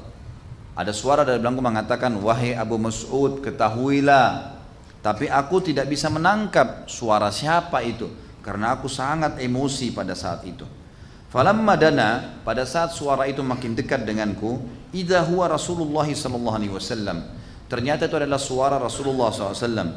Fa idza huwa yaqul pada saat itu Nabi mengatakan, "I'lam Aba Mas'ud, akdar alaika minka ala hadzal gulam. Allahu akdaru alaika minka ala hadzal gulam." Fakultu la adribu mamlukan ba'dahu abada. Maka Nabi SAW mengatakan ketahuilah bahwasanya Allah wahai Abu Mas'ud lebih mampu bisa lebih cepat menghukummu daripada kau menghukum budakmu ini. Maka Abu Mas'ud pun akhirnya sadar, bertobat kepada Allah lalu mengatakan, demi Allah ya Rasulullah mulai hari ini saya tidak akan memukul lagi budak-budakku. Di dalam riwayat yang lain dikatakan fasakata sautu min yadi min hibatihi sallallahu alaihi wasallam. Maka jatuhlah pecut dari tanganku karena wibawahnya Nabi sallallahu alaihi wasallam. Kemudian juga dalam riwayat yang lain ditambahkan ya Rasulullah, wa hurrun liwajhillah. Sesungguhnya wahai utusan Allah, budak ini aku bebasin karena Allah, karena perbuatanku tadi. Faqala Maka Nabi SAW mengatakan, Ama laula taf'al, laulam taf'al, lalahatka, lalafahatkan nar, aula masatkan nar. Rawahu Muslim. Kalau kau tidak lakukan, karena tadi dia bilang, Abu Mas'ud mengatakan, Ya Rasulullah saya bebasin aja orang ini. Sebagai tebusannya deh. Saya sudah pukul tadi dia. Lalu kata Nabi SAW, ketahuilah kalau kau tidak lakukan, maka niscaya kau akan dilalap oleh api neraka. Kau akan dibakar oleh api neraka. Jadi hati-hati teman-teman sekalian. Pernah juga ada orang-orang dilewatin oleh seorang sahabat Nabi dalam riwayat ini tidak pernah disebutkan atau tidak tersebutkan riwayatnya tapi eh, namanya tapi dikatakan seorang sahabat Nabi pernah melewatin ada orang yang sedang disiksa. Ternyata orang yang disiksa ini adalah para ahli zim, eh, bukan ahli zimma ya. Orang-orang kafir yang semestinya membayar jizyah, upeti. Kan kita kalau perangin satu wilayah, tawarin Islam ya. Kalau mereka nolak, bayar jizya, upeti. Kalau mereka nolak, maka diperangi kan gitu. Nah ada satu wilayah, rupanya dulu itu tidak mau masuk Islam, nggak mau juga perang. Maka mereka memilih jizya. Berarti haknya umat Islam. Setahun sekali akan dibayar. Ini biasanya ditentukan per kepala, diberikan satu keranjang kurma dan dan seterusnya. Seperti itulah sebagai bentuk kehinaan karena mereka menolak agama Allah Subhanahu wa taala. Ringkas cerita teman-teman sekalian, ada orang-orang muslim rupanya dia punya hak upeti lalu dia datangin dan dihukumlah orang-orang yang kafir tadi yang tidak bayar jizyah dengan cara disiramin air-air yang panas di kepala mereka.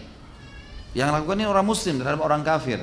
Maka sahabat ini mengatakan, sungguh saya telah mendengarkan Nabi SAW bersabda, Allah eh, akan menghukum siapa pun manusia yang menyiksa manusia yang lain. Riwayat lain, makhluk yang lain. Teman-teman contoh misal. Pegang hadis Nabi riwayat Bukhari fi kulli kabidin ratabatin ajir. Ada juga hadis yang mirip diriwayatkan oleh Imam Tirmidzi. Dua-duanya sahih. Kata Nabi SAW di setiap denyut kehidupan ada pahala. Kenapa teman-teman pada saat antum tangkap tikus harus disiram dengan air panas? Ada orang begitu. Dikeluarin dari tokohnya, diperangkap, taruh di depan. Saya pernah lihat sendiri disiram dengan air panas kena jengkel dengan tikus tersebut. Apa hubungannya? Kan Gak ada hubungannya sama sekali kan. Yang penting keburukannya sudah hilang. Sampai kata Nabi SAW, فَإِذَا قَتَلْتُمْ فَأَحْسِنُ الْقَتْلَ Kalau kalian pun harus membunuh, bunuh dengan cara yang santun, yang baik. Artinya memang mungkin dipukul sekali udah. Sampai hadis tentang masalah membunuh cecak, ya, dapat 100 pahala. Dan Aisyah punya cambukan khusus di rumahnya radhiyallahu anhu untuk mencambuk cecak gitu kan. Hikmahnya apa? Allah alam. Yang jelas banyak pendapat ulama. Yang kita kembalikan adalah perintah Nabi SAW kata Nabi siapa yang membunuh cecak dapat 100 pahala. Ulama merincikan yang memukul cecak satu kali mati artinya memang kaget gitu terus mati dapat 100 pahala yang memukulnya dua kali turun yang menyiksa-nyiksa bisa nggak dapat pahala ya ya ada orang pernah teman saya Waktu itu saya masih SMA yang masih di Madinah. Kami baru masuk di Madinah. Semoga Allah maafkan. Saya satu kamar bersama orang Indonesia sama-sama. Pas siang, kami lagi tidur siang. Sebenarnya ada AC. Entah dari mana tuh lalat. Ah, ganggu lagi tidur nih. Saya udah ngusir-ngusir, lalatnya tetap ada. Rupanya dia tidur di sebelah saya gitu.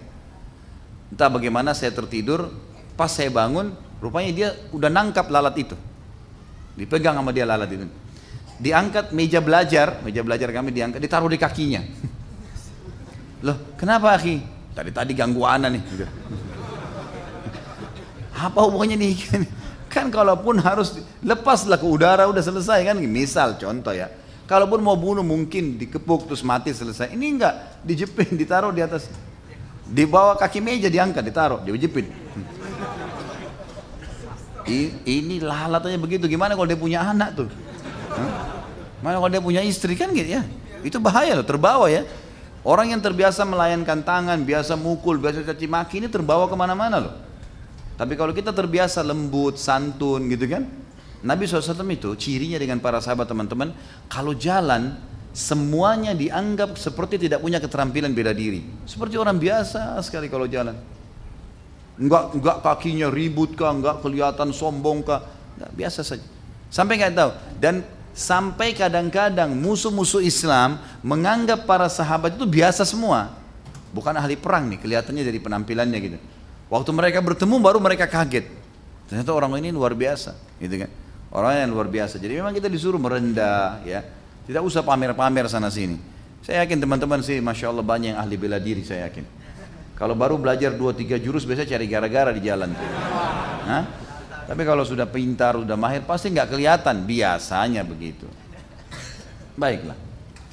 Yang jelas teman-teman sekalian itu beberapa hadis Nabi tadi dan ada hadis yang lain riwayat Imam Muslim kata Nabi SAW man daraba gulaman lahu haddan lam ya'tihi aw latamahu fa inna kaffaratuhu an yu'tiqah. Kalau seandainya ada seseorang memiliki hamba sahaya lalu dia memukulnya menamparnya, memukulnya, meninjunya, menendangnya, semua masuk dalam masa bahasan ini atau dia mencambuknya dengan alat ya, maka dendahnya kafarahnya dia membebaskan dari keterbudakan. Udah nggak boleh lagi sama dia udah bebasin. Itu dendahnya. Maka dia akan selamat dari hisab pada hari kiamat tentunya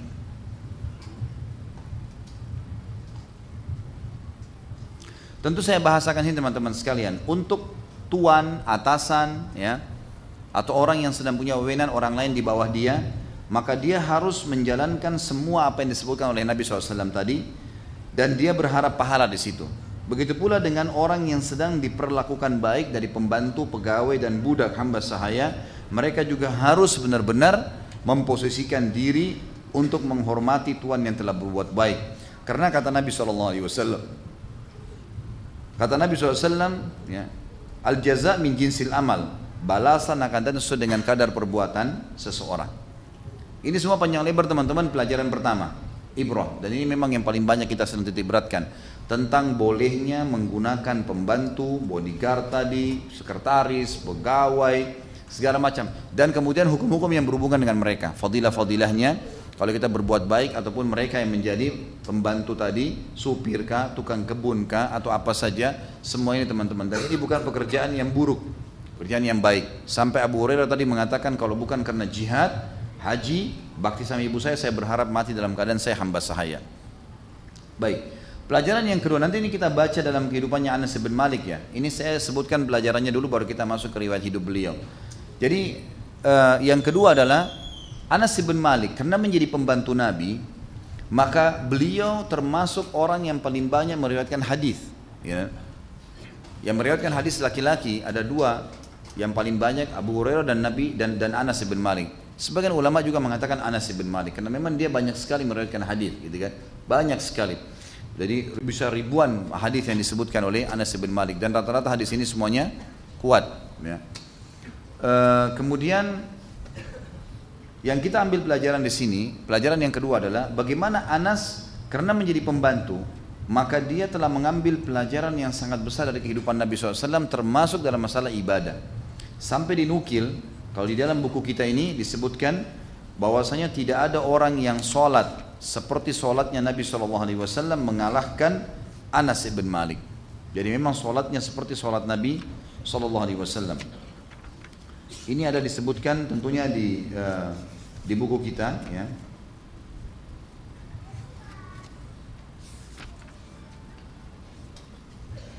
Iya. Saya tidak temukan di sini, saya tidak ingat halamannya, tapi yang jelas Anas bin Malik dikatakan adalah semua sahabat sepakat orang yang paling mirip sholatnya dengan Nabi Shallallahu Alaihi Wasallam. Baik, sedikit kita bicara masalah sholat ini teman-teman. Nabi SAW pernah mengatakan dalam hadis Bukhari, sesungguhnya telah dicintakan dunia ini. Maaf, ini hadis riwayat Tirmidzi. Ya, seingat saya begitu. Dan ini dihasan sohikan oleh beliau Kata Nabi SAW, dicintakan dunia padaku karena adanya wanita, maksudnya wanita bisa dinikahi, atau saudari dilindungi, atau ibu dihormatin, gitu kan? Atau istri yang dijadikan sebagai pendamping. Dan juga wangi-wangian, serta dijadikan kebahagiaanku semua di sholat. Makna daripada dijadikan kebahagiaanku dalam sholat artinya Nabi SAW paling peduli dengan sholat. Sampai Aisyah mengatakan, kalau Nabi SAW sholat itu sampai telapak kaki beliau pecah-pecah. Sampai telapak kaki beliau pecah-pecah. Ini sebuah fadilat sendiri tentunya ya. Nah Anas bin Malik disepakati oleh para sahabat adalah orang yang paling mirip sholatnya dengan Nabi SAW. Sampai-sampai Anas bin Malik berdiri sholat kakinya mengeluarkan darah. Saking lamahnya kalau sholat. Tentu ciri semua sahabat kalau sholatnya luar biasa ya. Sampai dikatakan mereka kalau sholat, semua sahabat cirinya kalau sholat ini, mereka berdiri seperti batang pohon yang kuat. Gitu kan?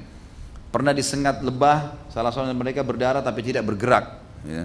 Jadi memang banyak ciri khas sholat-sholat para sahabat. Di antaranya Anas bin Malik ini punya fadilah sendiri berhubungan dengan masalah ini. Yang ketiga teman-teman sekalian, Anas bin Malik, ya ini ibrah dan pelajaran. Dari pelajaran kehidupan beliau, kita temukan juga selain sholat, adalah ibadah yang Nabi SAW paling muliakan dan akhirnya Anas bin Malik mengambil itu karena jadi pembantu juga pelajaran yang kita ambil nanti dari kehidupan Anas adalah mulianya doa Nabi Muhammad SAW dan tentu Allah sudah takdirkan kita tidak hidup dengan beliau. Kita kalau hidup lihat hidupan para sahabat. Ada sahabat-sahabat yang cerdas. Cerdasnya itu mereka selalu tidak pernah melewatkan waktu kalau bertemu dengan Nabi kecuali minta ya Rasulullah doain saya. Ya Rasulullah doain saya. Doa Nabi SAW beda tidak seperti doa kita doa Nabi SAW umumnya mustajab gitu kan dan ini disebutkan dalam riwayat Anas bin Malik ini karena pernah waktu Nabi SAW main ke rumahnya ke rumah ibunya Ummu Sulaim kemudian ada tantenya dia Ummu Haram kemudian juga bersama dengan Anas bin Malik dan beberapa keluarganya, Nabi SAW main di situ. Lalu kemudian Nabi SAW sempat tertidur. Lalu Ummu ya, Sulaim ini, ibunya Anas, melihat Nabi SAW berkeringat. Lalu dia pun mengambil botol-botol, diletakkan di bawah uh, pakaian Nabi SAW. Jadi beliau tidur di ada seperti kalau kita kursi, tapi kursinya dari uh, pelapa-pelapa kurma ada netes keringat Nabi diletakkanlah botol di bawahnya sehingga jatuh keringat tersebut. Lalu Nabi SAW terkaget. Lalu Nabi mengatakan, apa yang kau lakukan? Dia Ummu, Har, Ummu Muslim mengatakan ibunya Anas, ya Rasulullah, saya jadikan eh, keringat anda minyak wangi buat saya dan anak-anak saya. Kata Nabi SAW dalam sebuah riwayat, asabti, kau sudah mendapatkan itu. Lalu Ummu Sulaim mengatakan, ya Rasulullah, ini Anas nih, Anas, saya punya hajat penting. Ya. Kata Nabi SAW, apa hajatnya? Doakan dia doakan dia maka keluarlah doa Nabi SAW yang masyhur dan ini kemuliaan buat Anas radhiyallahu anhu yang disebutkan dalam banyak riwayat sahih dan ini kalau teman-teman yang pegang buku di lembaran pertama di halaman 103 di buku kita ini doa Nabi Allahumma akthir malahu wa waladahu wa barik lahu fi Ya Allah perbanyaklah harta dan anaknya dan berkahilah untuknya harta dan anak itu Tentu teman-teman sekalian, kalau kita mau baca tentang kisah berhubungan dengan masalah ini, ya, kita bisa melihat uh,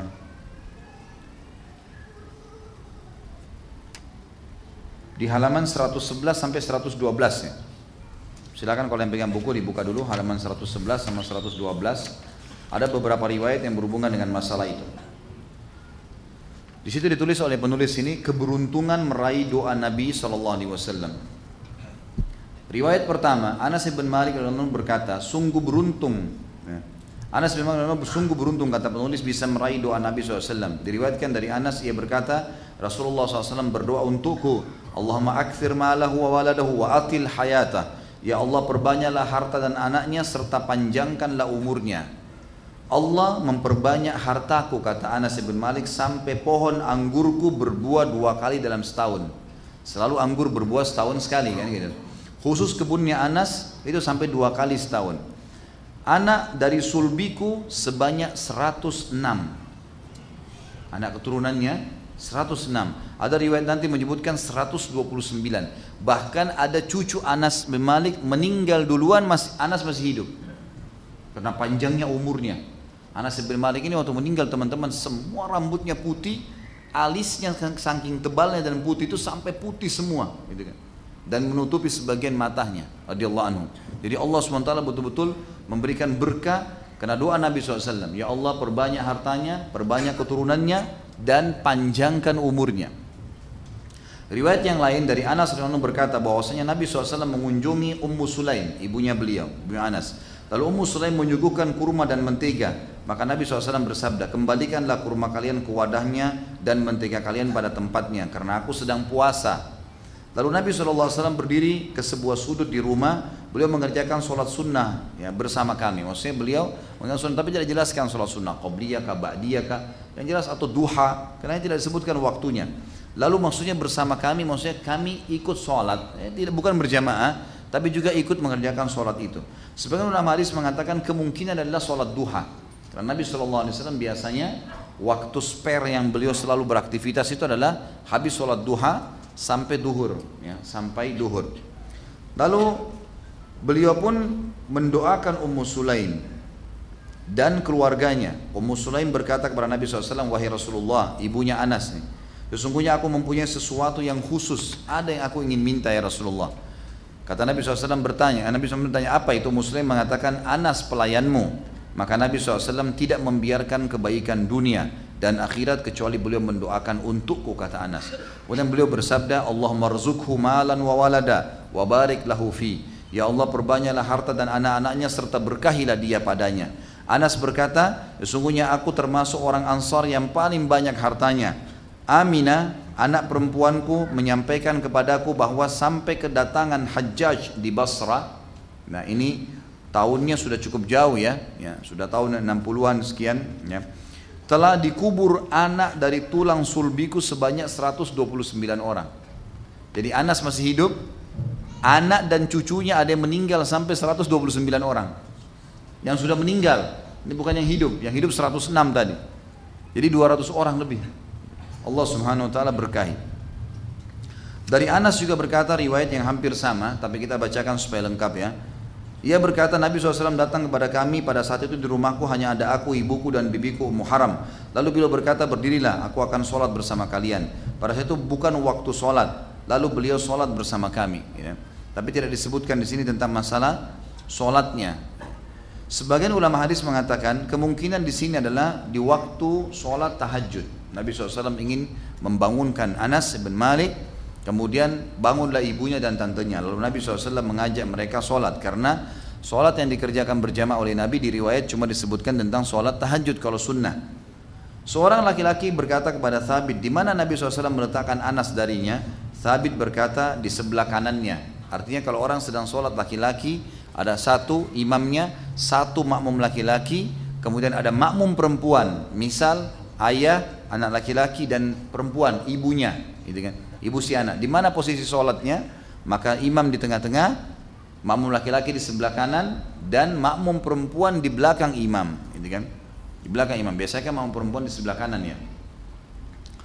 Lalu dikatakan di sini Anas berkata kemudian Nabi SAW berdoa untuk kami penghuni rumah dengan segala kebaikan dunia dan akhirat. Lalu ibuku berkata wahai Rasulullah berdoalah untuk pelayan kecilmu Anas. Maka Rasulullah SAW berdoa dalam segala dengan segala kebaikan di akhir doa tersebut berbunyi Allahumma akthir malahu walada wa barik lahu fi. Ya Allah perbanyaklah harta dan anaknya dan berkahilah dia padanya. Baik. Kalau anda bertanya kepada saya lalu Ustaz itu Anas bin Malik. Manfaatnya Nabi SAW sudah doakan. Apa yang kita bisa ambil pelajaran dari doa Nabi SAW ini? Ucapkan doa yang sama. Antum amalin tuh. Ya Allah, perbanyaklah hartaku, keturunanku, dan juga panjangkanlah umurku. Itu di antara doa. Karena Nabi SAW berdoa ini untuk Anas. Ya. Jadi antum bisa berdoa. Karena banyaknya keturunan, banyaknya harta, dan juga ya panjangnya umur dalam ketaatan kepada Allah sebuah nikmat yang luar biasa. Allah SWT berikan. Jadi selalu berdoa. Bahkan sebagian ulama salaf mengatakan ya Allah karuniakanlah aku ilmu dan harta. Dan jadikanlah aku menghabiskan keduanya di jalanmu. Ini juga sekaligus teman-teman sekalian membantah perkataan sebagian orang yang menyalahfahami tentang masalah harta ini. Ada orang memahami salah tentang zuhud ya Zuhud itu berarti harus tinggalkan dunia untuk akhirat. Ini pernah saya luruskan. Salah teman-teman sekalian. Al-Qasas ayat 77 berbunyi, A'udzubillahi minasyaitonirrajim wa butaghi fima ataqallahu daral akhirah wa la tansa nasibaka minad dunya. Kejarlah apa yang Allah janjikan untukmu di akhirat dan jangan lupa bagianmu dari dunia. Orang Islam harus harus pegang kata-kata saya, rapi pakaiannya, bersih penampilannya, kendaraannya juga bersih, mampu membeli yang bagus, beli yang bagus, nggak masalah. Tapi dalam sebuah kaidah la ifrat tidak berlebihan, wala tafrid tidak juga perhitungan. Jadi nggak boleh teman-teman sekalian antum menjadi seorang muslim kelihatannya kotor, kelihatannya kumuh, kelihatannya susah, nggak bisa. Kecuali memang keadaan benar-benar harus seperti itu ya.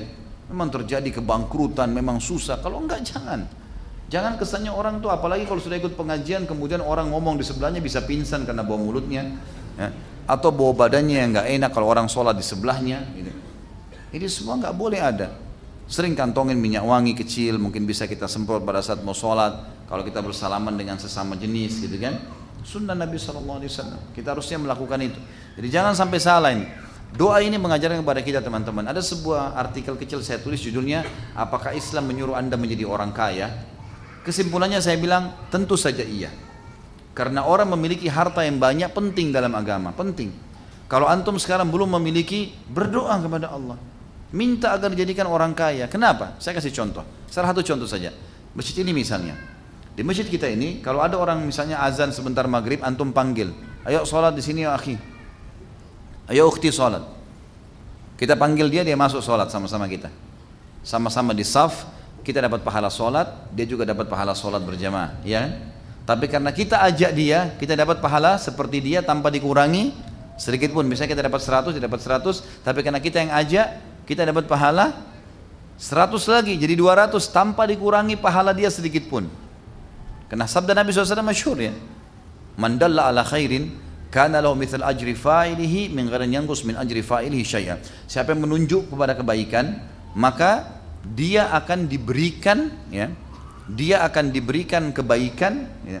Eh, siapa yang melakukan kebaikan ya siapa yang menunjukkan pada kebaikan dia akan diberikan uh, kebaik uh, pahala orang yang melakukan kebaikan tersebut tanpa dikurangi sedikit pun dari pahala orang yang diajak baik. Sekarang tadi saya ajak orang saya dapat pahala dia juga dapat pahala saya dikasih pahala dia. Tapi pernah nggak teman-teman berpikir orang yang tidak hadir mungkin bersama kita di masjid ini tapi dapat pahala kita? Bukan cuma kita semua orang yang sholat Siapa dia? Hah? Mana nih? Gak ada suaranya. Bukan muadzin. Yang bangun masjid. Dari duitnya yang dia kasih ini, satu masjid dipanen pahalanya. Mungkin dia sudah nggak hadir sini, mungkin. Kita nggak tahu. Misal masjid ini dulu waktu mau dibangun ada orang nyumbang-nyumbang, anggap seribu rupiah deh. Sempat dititipin sama dia. Digabung beliin pasir dan semen jadilah masjid ini. Mereka panen pahala bukan cuma saya sama teman saya, tapi semuanya. Lihat pengaruh harta. Besar sekali. Pernah ada sahabat berkata miskin nih kepada Nabi SAW, Ya Rasulullah, maaf teman, jangan sampai tersinggung, jangan sampai menganggap kita anggap remeh orang miskin, bukan. Kita mau menyampaikan tentang kedudukan Islam memandang mana kaya dan miskin ini. Kata Nabi SAW, dan kita semua bisa mengubah nasib ya. Tidak ada yang tidak bisa mengubah nasib. Bisa satu tahun, dua tahun berdoa, berikhtiar, insya Allah akan dikasih. Kata uh, uh, apa namanya? Saya sampai lupa apa yang mau dibahas. Hmm. Subhanallah. Baik. Yang jelas kita dianjurkan teman. Nah, baik. Kalau kita sahabat miskin pernah datang kepada Nabi SAW lalu berkata begini dalam hadis Bukhari, Ya Rasulullah, sahabat-sahabat kami yang kaya mengalahkan pahala-pahala kami. Karena apa yang kami kerjakan mereka kerjakan. Misal kami sholat mereka sholat. Kami zikir mereka zikir. Kami berdoa mereka berdoa. Kami berjihad mereka berjihad gitu kan? Tapi mereka mengalahkan kami dari sisi mereka bersodokah kasih keluar harta. Kami nggak punya itu. Beritahukan kami amalan kalau kami kerjakan kami dapat pahala sama dengan sodokah mereka. Kata Nabi bacalah 33 kali subhanallah. Alhamdulillah Allah akbar. Karena akan dapat pahalanya Ternyata hadis ini terke, uh, tidak terkekang di mereka saja, tersebar. Sahabat-sahabat yang kaya mengetahui zikir 33 subhanallah Allah akbar ini sama pahala sedekah yang besar. Mereka amalin lagi tuh. Sahabat miskin datang lagi ke Nabi SAW. Ya Rasulullah, yang kaya udah dengarin tuh. Sanakan sampaikan kami lagi nih, gitu kan? Kata Nabi, "Dzalika yu'tihi mayasya." Itu karunia Allah yang Allah berikan kepada siapa yang Dia inginkan. Itu karunia teman-teman sekalian ya. Jadi kejar prestasi dunia dan saya sarankan teman-teman kunjungi ceramah di YouTube khusus saudaraku ini adalah rahasia rezekimu. Tentu ini sudah banyak yang kunjungin tapi waktu itu saya masih sampaikan 10 kiat menambah dan memperanakan rezeki. Ada kemarin ceramah terakhir tablik akbar di Makassar, insya Allah teman-teman tim sudah upload baru. Itu ada 15 kiat saya tambahkan di situ. Tambah 5 kiat lagi, mudah-mudahan itu akan sangat bermanfaat. Dan banyak teman-teman Alhamdulillah yang sudah praktekin, setelah beberapa waktu mereka mengatakan memang Ustaz, Alhamdulillah berhasil. Gitu lah. berhasil. Jadi lebih baik dari sebelumnya dan ingat ya, Allah kalau mau memberikan sebuah perubahan kepada kita memang tidak drastis. Di dunia ini kita punya proses. Kita lapar, prosesnya kalau minta sama Allah dapat makanan dulu, kunyah dulu, kenyang dulu, telan dulu, baru kemudian masuk ke hilangin lapar. Seperti itulah. Gitu kan. Capek, tidur dulu, bangun, baru kemudian hilang capeknya. Seperti itulah. Haus, kita cari air dulu, minum, ditelak, dituguk, baru kemudian hilang hausnya. Seperti itulah. Jadi ada proses teman-teman. Jangan antum tiba-tiba menghayal jadi miliarder dalam satu hari atau dua hari. Yang penting sudah berdoa ikhtiar, tapi ini termasuk doa. Banyak harta, juga banyak keturunan. Kalau ada godaan syaitan yang mengatakan kepada antum atau bisu atau isu yang sampai ke antum, wah kalau anak banyak nanti pusing ngurusnya. Emang pasti ada pengorbanan waktu. Tetapi anak-anak ini kalau jadi udah besar semua, baru kita rasakan manfaatnya. Mungkin masih kecil mereka lari-lari, mereka ini, mereka buat masalah. Wajarlah suka dukanya gitu kan. Semua ada pahalanya. Tapi kalau mereka sudah besar dan kita berhasil menjadi menjadi ahli Quran, menjadi ulama, mendoakan kita, itu luar biasa. Berapa banyak orang yang sudah anak-anaknya sudah besar, akhirnya sudah bakti dengan dia, baru dia rasakan manfaatnya, gitu kan? Saudara saya sendiri sampai nyesal, kenapa cuma punya empat orang anak? Bahasanya begitu. Iya, Misal pada saat anak-anaknya sudah mulai besar, udah pada keluar negeri, udah keluar, akhirnya dia sendirian sama suaminya. Gitu. Gak ada lagi orang yang ngurus gitu. Tapi masya Allah ada orang yang punya anak banyak, anak-anaknya sudah ada yang sudah berumah tangga, ada yang masih tinggal sama dia di rumah, masih terus aktif seperti dulu, ngurus anak dan semuanya, banyak besar manfaatnya. Makanya kata Nabi SAW, nikahlah wanita yang penyayang dan subur karena saya bangga dengan jumlah umat umatku pada hari kiamat. Juga sekali lagi, gunakan tenaga orang, gunakan tenaga, gitu kan? Tenaga misalnya panggilkan guru-guru tahfidz Quran, panggilkan guru privat di rumah, pakai kalau ada rezeki, pakaikan pembantu untuk mengurus, nggak ada masalah. Tapi jangan lepas tangan. Nggak boleh lepas tangan di sini ya. Karena kalau lepas tangan sama sekali tentu e, pendidikan anak itu akhirnya yang panen pahalanya ada orang-orang yang mendidiknya. Ya, seperti itulah. Kemudian juga minta dipanjangkan umur boleh, tapi ini dihubungkan dengan riwayat yang lain berbunyi kata Nabi SAW ya sungguh sebaik-baik harta adalah di tangan seseorang hamba yang saleh dan sebaik-baik umur yang panjang di dalam ketaatan kepada Allah Subhanahu wa taala. Baik, ini pelajaran ya. Jadi berdoalah seperti itu teman-teman sekalian supaya Allah SWT berkahi apa yang telah diberikan kepada kita. Sekarang kita masuk teman-teman ke manakib. Manakib itu uh, kelebihan Anas bin Malik. Kelebihan beliau. Tentu saya akan mulai dari namanya, namanya Anas bin Malik dan dia dari suku Khazraj dari Madinah, ya, suku asli Madinah. Dan uh, ayahnya bernama Malik yang meninggal dalam keadaan kufur sebagaimana saya jelaskan tadi waktu dia dengar uh, Musa bin Umar berdakwah di Madinah tidak mau masuk Islam. Sebelum Nabi SAW hijrah sudah meninggal dibunuh oleh perampok di jalanan. Sementara ibunya Ummu Sulaim adalah sahabiat yang terkenal dan masyhur dengan ibadah-ibadahnya dan kekuatan ya imannya kepada Nabi Shallallahu Alaihi Wasallam sampai-sampai dia menghadiahkan anaknya Anas bin Malik untuk menjadi pembantu Nabi SAW. Kita masuk ke manakib yang pertama atau mangkib yang pertama adalah dia masuk Islam sementara umurnya 10 tahun dan ini kelebihan tersendiri karena masuk Islam di umur 10 tahun ini masih sangat kecil dan ini sangat baik ya, sangat baik untuk bisa e, masuk Islamkan atau memulai pendidikan agama sejak dini. Yang kedua, kelebihan Anas adalah dia menjadi pembantu Nabi Shallallahu Alaihi Wasallam dan tentu saya pembantu adalah manusia terbaik dari umat ini, ya, dan utusan Allah. Maka akhirnya dia menjadi pembantu, murid sekaligus sahabat. Dan ini tentu kita bisa melihat riwayat-riwayatnya disebutkan di halaman 105 sampai 110 eh maaf 105 iya 105 sampai 106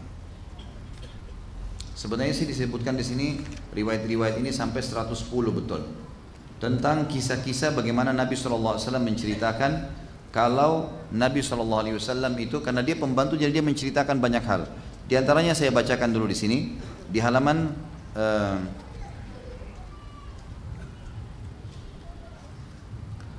108 ya.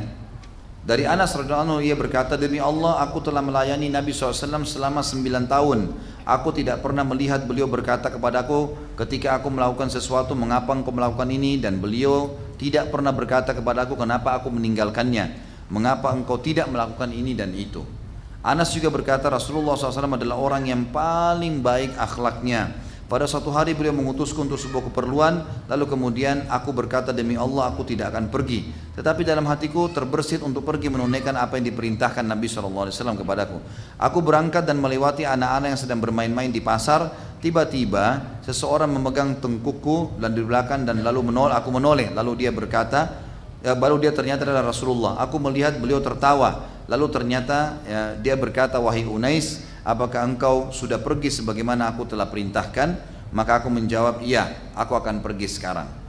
Riwayat yang lain, Anas bin Malik juga mengatakan, jika Rasulullah SAW bertemu dengan seseorang, lalu beliau menjabat tangannya, karena dia yang paling selalu bersama Nabi, jadi dia tahu, sampai kepada hukum-hukum kecil seperti ini.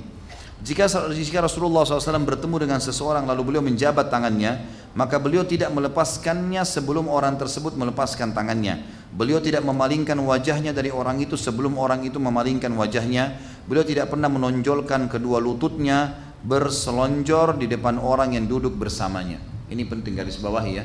Jadi teman-teman sekalian ini Uh, kalau kita lagi duduk sama orang siapa pun termasuk orang yang lebih muda sekalipun apalagi kalau orang tua jangan selondorin kaki ke arah dia ini adabnya.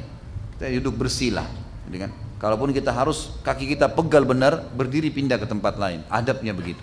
Ataupun harus di situ pamit, maaf ya, kita arahkan. Misal orang depan depan kita kita arahkan ke arah sana. Kaki saya pegal, saya harus lurusin. Tapi banyak orang subhanallah tidak begitu. Gak ada adab, dia tidak faham. Nabi SAW tidak pernah selonjorin kakinya di depan orang lain. Nabi ini ke orang lain, apalagi kita gitu. Termasuk di sini adabnya adalah selondorin kaki kepada anak, pada istri, atau juga termasuk dalamnya adalah adab tidak boleh duduk di tempat yang lebih tinggi dibandingkan dengan orang lain kalau memang lagi ada duduk bersama. Beda kalau majelis ilmu karena Nabi SAW biasa di mimbar, biasa berdiri gitu kan, biasa duduk, memang begitu disampaikan. Itu beda karena penyampaian agar semua orang bisa melihat. Seperti orang khutbah Jumat, memang tidak bisa. Maka ini berbeda. Tapi kalau enggak, kita lagi duduk teman-teman sekalian, maka ada orang memang begitu. Lain kalau kakinya sakit ya, mungkin. Kalau ini enggak, memang dia mau dia selalu lebih daripada orang lain, punya kedudukan sendiri. Ini kalau tidak ada udur syari maka termasuk yang dilarang di sini. Anas bin Malik juga meriwayatkan dalam riwayat yang lain. Tentu semua ini diriwayatkan oleh Imam Muslim ya, hadis-hadis sahih semua ini.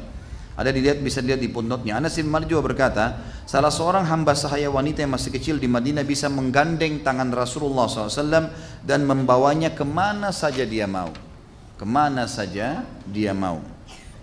Riwayat yang lain, Anas bin Malik juga berkata Rasulullah SAW tidak diminta sesuatu atas nama Islam kecuali pasti beliau memberinya. Minta bantuan, minta apa pasti beliau memberinya.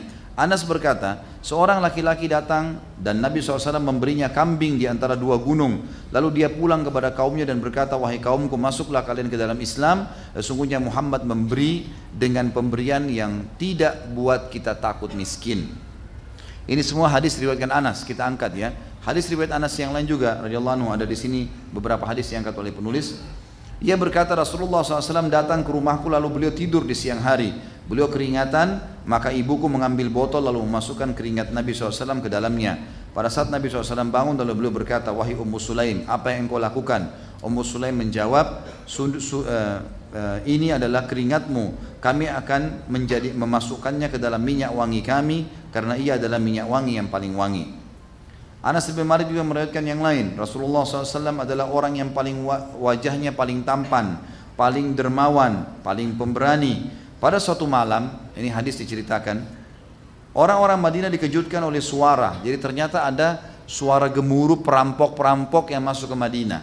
Jadi kan, kata Anas bin Malik, suara tersebut ya, bergemuruh sehingga orang Madinah kaget maka mereka bersegera menuju ke suara itu. Lalu berpapasan dengan Nabi SAW. Ternyata waktu mereka datang, dalam riwayat dikatakan berkumpul di depan rumah Nabi SAW, ternyata suara itu sudah hilang. Dan mereka melihat dari kejauhan ternyata Nabi SAW datang dari arah suara tadi. Jadi Nabi SAW sudah mengusir sendiri, mengusir sendiri perampok-perampok itu. Ini contoh pemimpin yang luar biasa. Dia tidak tinggal di rumahnya. Dan kata Anas bin Malik, Nabi SAW menunggangi kuda yang kuda itu sangat lamban. Bukan kuda yang biasa dipakai berperang, tapi Nabi SAW menggunakan itu untuk membersihkan Madinah dari penjahat-penjahat tadi. Sebagai penutup dalam poin masalah riwayat Anas ini, maka dalam riwayat yang sahih juga disebutkan bahwa seorang laki-laki pernah bertanya kepada Nabi SAW kapan kiamat Maka Nabi SAW balik bertanya, apa yang telah engkau siapkan untuknya? Dia menjawab, aku tidak menyiapkan untuknya dengan banyak sholat, puasa dan sedekah. Tapi aku sangat mencintai Allah dan Rasulnya. Maka Nabi SAW mengatakan, engkau akan bersama dengan orang yang engkau cintai. Maka Anas berkata, kami tidak berbahagia karena sesuatu seperti kami berbahagia karena sabda Nabi tadi, anta ma'an ma'aman ahbabta engkau akan bersama dengan orang yang kau cintai. Karena aku mencintai Nabi SAW Abu Bakar dan Umar. Aku berharap bersama mereka karena kecintaanku kepada mereka sekalipun aku tidak beramal seperti amal mereka. Ini ibrah dan pelajaran tentang masalah Nabi eh, Anas bin Malik menjadi pembantu menjadi murid dan juga menjadi sahabat Nabi dari halaman 105 sampai halaman 111 kemudian yang ketiga teman-teman sekalian yang kita bisa ambil dari kelebihan Anas adalah doanya Nabi SAW tadi. Doanya Nabi SAW tadi untuknya. Yang tidak pernah disebutkan untuk sahabat yang lain. Dan ini disebutkan di halaman 111 sampai 112 yang sudah saya bacakan tadi. Yang keempat Anas bin Malik terkenal sebagai ahli ibadah. Tidak pernah meninggalkan ibadah. Dan dia hidup 80 tahun setelah meninggalnya Nabi SAW Nabi SAW meninggal di awal tahun 11 Hijriah. Maka Anas bin Malik meninggal di tahun ya 81 eh, maaf 91 Hijriah. Jadi ini termasuk sahabat yang terakhir eh, meninggal dunia. Dan ini teman-teman bisa lihat di halaman 117 dari buku kita karena kita beda buku tentunya jadi bisa dilihat di situ disebutkan ibadah Anas Abu Hurairah anu meriwayatkan berkata, aku tidak pernah melihat seseorang yang sholatnya paling mirip dengan Rasulullah SAW daripada anaknya Ummu Sulaim. Maksudnya adalah Anas bin Malik. Anas bin Sirin berkata, Anas bin Malik adalah orang yang paling bagus sholatnya ketika sedang mukim dan ketika sedang safar. Artinya betul-betul dia memberikan hak dengan tumak nina. Dari Thumamah rahimahullah, seorang ulama tabin berkata, Anas sholat sampai kedua kakinya meneteskan darah karena lamahnya dia berdiri. Juga Sulaimat Taimi rahimahullah berkata, aku mendengar Anas berkata, tidak tersisa lagi dari orang-orang yang sholat kedua kiblat selain aku. Maksudnya semua sahabat ini sudah meninggal tinggal aku di sini. Terakhir Thabit rahimahullah berkata jika Anas bin Malik mengkhatam Al-Quran dia mengumpulkan anak dan keluarganya lalu dia mendoakan kebaikan untuk mereka. Dan ini riwayat yang terakhir diriwayatkan uh, disebutkan dalam sifatus safwa. Dan ini ulama mengambil dari sini bolehnya setelah mengkhatam Al-Quran berdoa kepada Allah SWT. Sampai sebagian ulama ada yang menyusun doa namanya doa khatam Quran, gitu kan? Tapi yang jelas karena perilaku Anas bin Malik.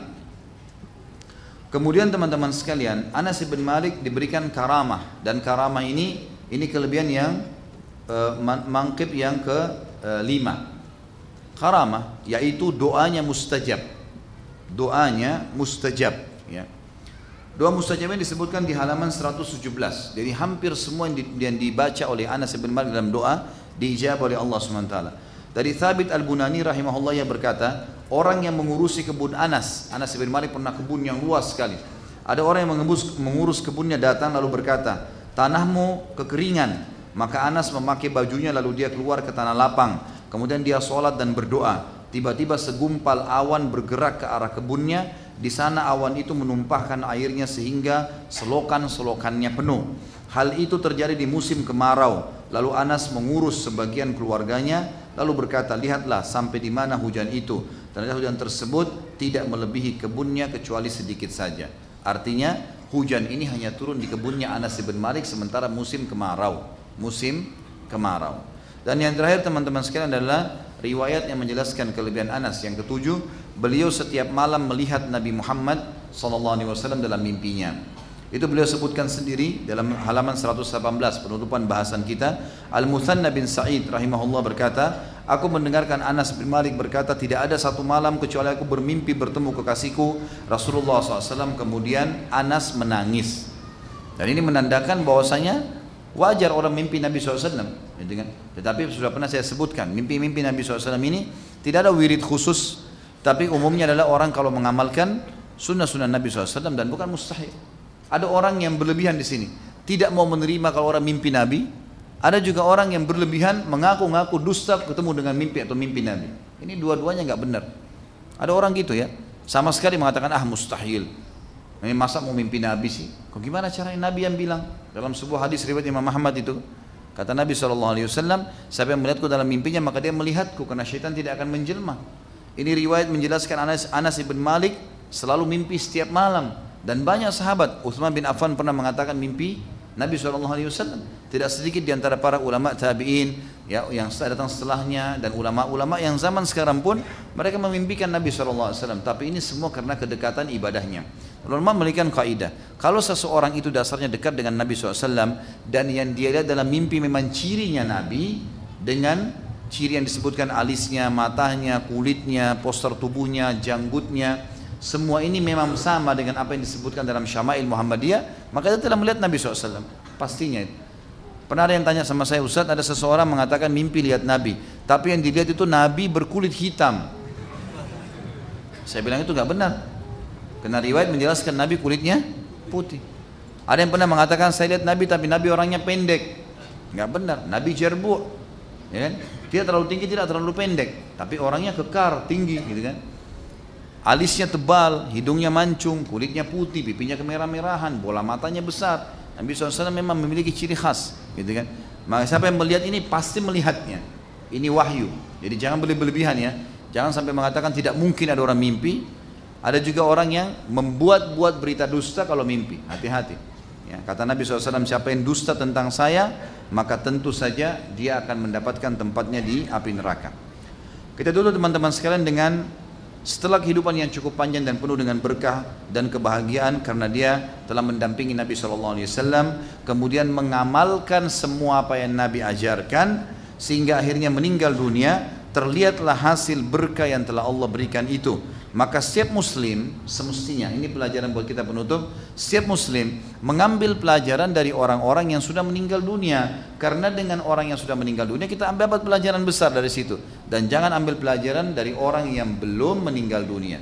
Sehingga mereka belum ketahuan ini baik atau tidak. Dan orang-orang yang paling baik dicontohi adalah para sahabat Nabi Ridwanullahi alaihim. Artinya ikutin langkah mereka, nikmatin proses hidupnya, ada cobaan kita bersabar, ada nikmat kita bersyukur, meninggal insya Allah kita akan bersama dengan mereka. Dan kita akan bertemu teman-teman insya Allah nanti di bahasan kita yang akan datang. Tentu Ramadan libur ya, tidak ada tablik akbar kita ini.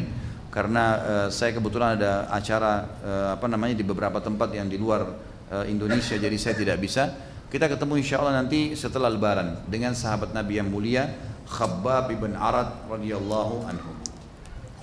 Baik, saya akan baca pertanyaan. Saya ingin bertanya tentang budak yang dapat yang didapat karena peperangan khususnya budak wanita. Contohnya muslim berperang dengan kafir atau syiah. Kemudian tentara muslim membunuh tentara kafir di depan istri dan anak perempuannya. Maka anak dan istri menjadi budak. Kemudian tentara muslim anggap saja mendapatkan budak tersebut ingin menggauli budaknya. Namun budak tersebut menolak karena merasa dendam dikarenakan suami telah dibunuh.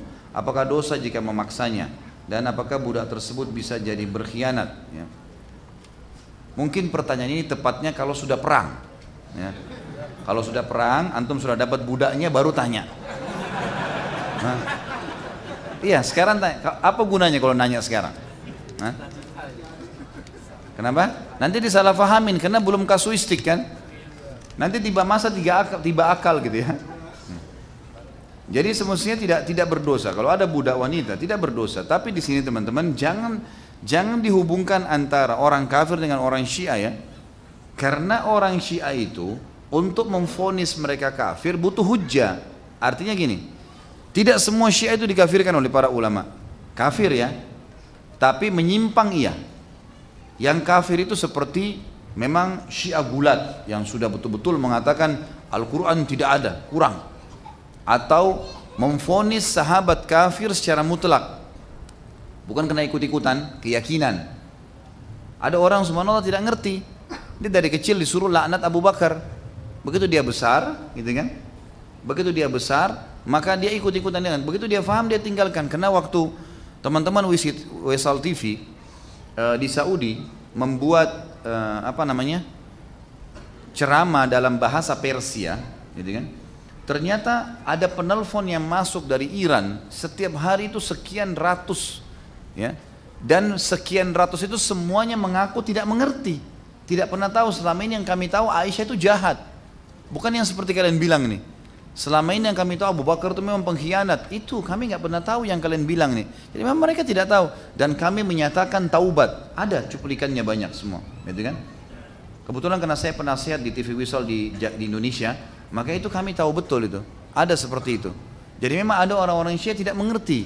Ada yang memang mendakwakan itu, memang mengkafirkan orang, memang ini, memang menghalalkan darah itu lain, gitu kan?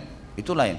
Nah kalau orang-orang Syiah, hukumnya kata ulama, adalah hukum masuk seperti orang-orang munafikin di zaman Nabi SAW. Kalau diperangi, tidak ada hamba sahaya. Nggak ada hamba sahaya. Masya Allah. Masya Allah. Sudah, sudah, cukup. Ini mesti Pak Yoyo bantu saya nih, sortir. Sortir dulu sesuai dengan tema ya. Sampai mana tadi? Hah? Semua lupa. Jadi kalau Syiah perang sama kita, bukan berarti kalau mereka tertawan jadi hamba saya enggak. Ya. Karena mereka masih syahadat. Hukumnya namanya saddu zara'i. Sama kasus waktu perangnya Ali bin Abi Thalib dengan sahabat-sahabat Nabi yang lain. Tidak ada perbudakan. Tapi alat-alat perang mereka menjadi ghanimah. Hal alat-alat perang pesawat tempur, senjatanya itu semua disita. Tapi orangnya nggak jadi budak gitu ya. Jadi perlu difahamin masalah itu.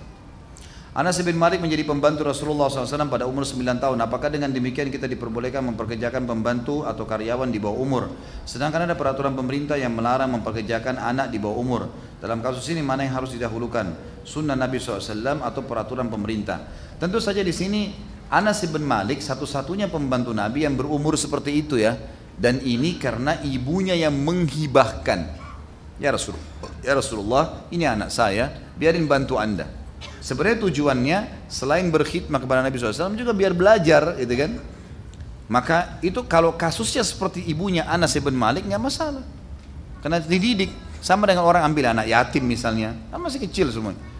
Jadi Jangan difahamin pembantu ini tanda kutip sesuatu yang buruk ya. Kalau ada peraturan pemerintah kita memang mengatakan tidak boleh anak di bawah umur sekian, misalnya di bawah 15 tahun bekerja, ya sudah ikutin aja peraturan itu.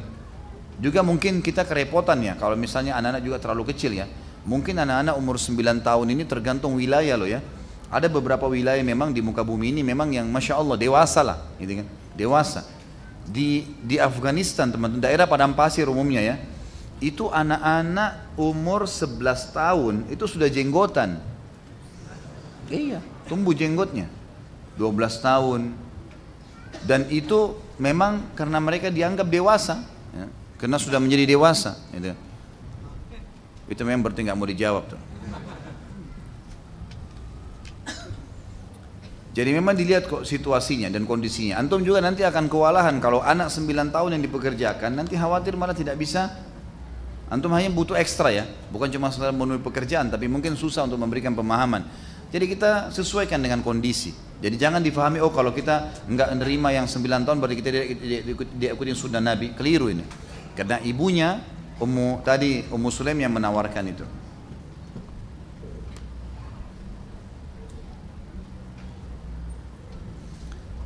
Bolehkah punya pembantu Nasrani karena sudah empat kali ganti pembantu Muslim yang tidak jujur dan bekerja dengan tidak profesional?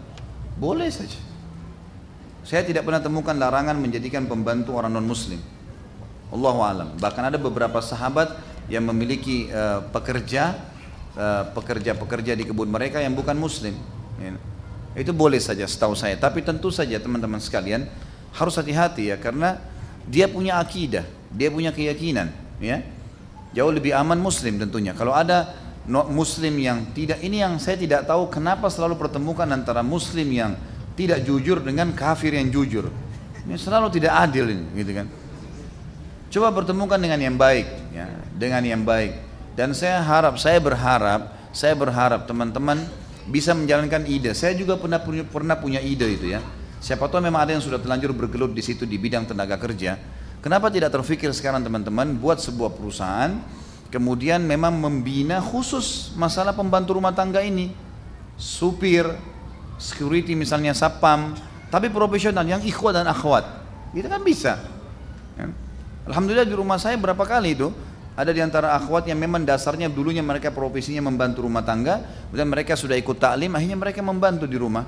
Dan itu tidak ada sesuatu yang aib. Malah dia nyaman, istri saya nyaman gitu kan, karena sudah sama-sama pakai cadar, sudah sama-sama bisa ke mana-mana, sudah saling paham, taklim sama-sama, sholat sudah nggak perlu diingatkan. Kenapa kita tidak terfikir untuk itu misalnya? Karena banyak sekali. Saya pergi ke Hong Kong kemarin diundang, itu ada 150 ribu orang TKW kita di sana dan waktu saya taklim penuh, mungkin seperti keadaan masjid kita ini Masya Allah penuh. Sekian ribu orang yang datang. Ya. Pada saat itu, saya juga tidak tahu jumlah pastinya ya. Tapi pada saat itu saya melihat banyak akhwat kita yang pakai cadar di situ. Pakai jilbab besar. Saya sempat tanya, e, ini akhwat yang pakai hijab syari, di sini nggak dilarang sama majikannya? Dia bilang enggak, nggak dilarang Ustaz. Malah dia yang penting pekerjaan selesai. Cuma memang masalahnya mereka bekerja dengan orang kafir, jadi masalah nih. Ini hukum lain lagi kan. Cuma saya melihat ternyata ada memang uh, ikhwat dan akhwat kita yang pekerjaannya memang di situ bidangnya yang dia bisa, cuman belum ada lembaga yang mengelola dengan baik, lebih profesional. Maksud saya begitu. Apakah diperbeda, diperbolehkan seorang budak atau pembantu kabur karena sering disiksa? Karena dia disiksa seharusnya dia uh, disiksa oleh pem, uh, pem, apa ini? Ketika dia disiksa uh, seharusnya dia apa ya? baik dibebaskan oleh pemiliknya sebagai pembayaran kafaranya namun karena pemiliknya kafir atau fasik maka dia tidak membebaskannya. Jangan salah faham ya hadis tadi itu saya bedain tadi ya ada hadis tentang pembantu dua riwayat pertama ada hadis tentang pegawai dua riwayat ada hadis tentang budak yang banyak tadi. Hadis terakhir riwayat Imam Muslim siapa yang memiliki budak yang dia pukul maka kafarannya membebaskannya ini tidak berlaku pada pembantu ya. Pembantu nggak perlu. Dia bisa tinggalin tentunya. Dia bisa tinggalin. Tidak harus pamit kalau memang dia disiksa. Dia punya hak asasi manusia gitu kan? Allahu alam. Tapi di sini perlu adil ya. Harus adil ya. Misal antum ada akad apa ya? Kata Allah mengatakan uh, fa'dilu. Oh, uh, akrabul taqwa adillah karena itu lebih dekat lebih dekat dengan ketakwaan. Kita harus adil ya. Misal gini kalau kita sudah bekerja sebenarnya kita tidak suka hanya karena ada tawaran pekerjaan lain lebih bagus misalnya nah kita harus adil di sini maaf saya sebenarnya dapat pekerjaan di tempat lain dan saya ditawarkan gaji sekian kebutuhan saya memang harus saya lakukan itu maka mungkin saya pamit sampai akhir bulan ini saya berikan hak anda, lalu saya pamit. Misal, bicara baik-baik. Orang kita manusia kok. Kalau dia bilang baik, bisa bisa nego gak? Bisa nggak kalau saya kasih kamu gaji sekian, kamu bertahan? Baik, saya istikharah, saya juga akan bicara dengan orang yang menawarkan kepada saya. Biasa saja, gitu kan? Jadi nggak usah main lari, ada yang bawa barang, ada yang ini, ada yang itu, saling caci maki. Ini bahaya semua ini bertemu hari kiamat ini, masalah. Ini baik begitu. Jadi Allah alam masih banyak cara-cara bijak yang bisa dilakukan.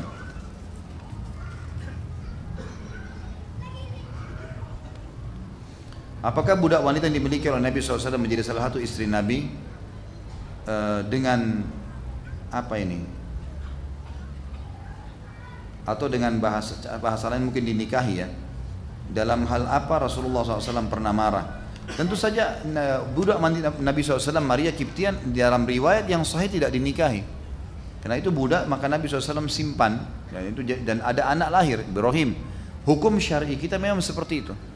Memang dibolehkan budak wanita digauli tanpa pernikahan. Kalau dalam hal apa saja Nabi SAW marah riwayat Bukhari menjelaskan. Kata Aisyah radhiyallahu Nabi SAW tidak pernah marah kecuali kalau agama Allah dicoreng. Selebih daripada itu Nabi SAW tidak pernah marah. Dalam pandangan Islam berapa jamkah mempekerjakan pembantu? Tidak ada penentuan jam ya. Tapi yang jelas tadi hadis sudah jelas yang kita sebutkan. Kalau kalian bebankan sesuatu, jangan di luar kapasitas mereka.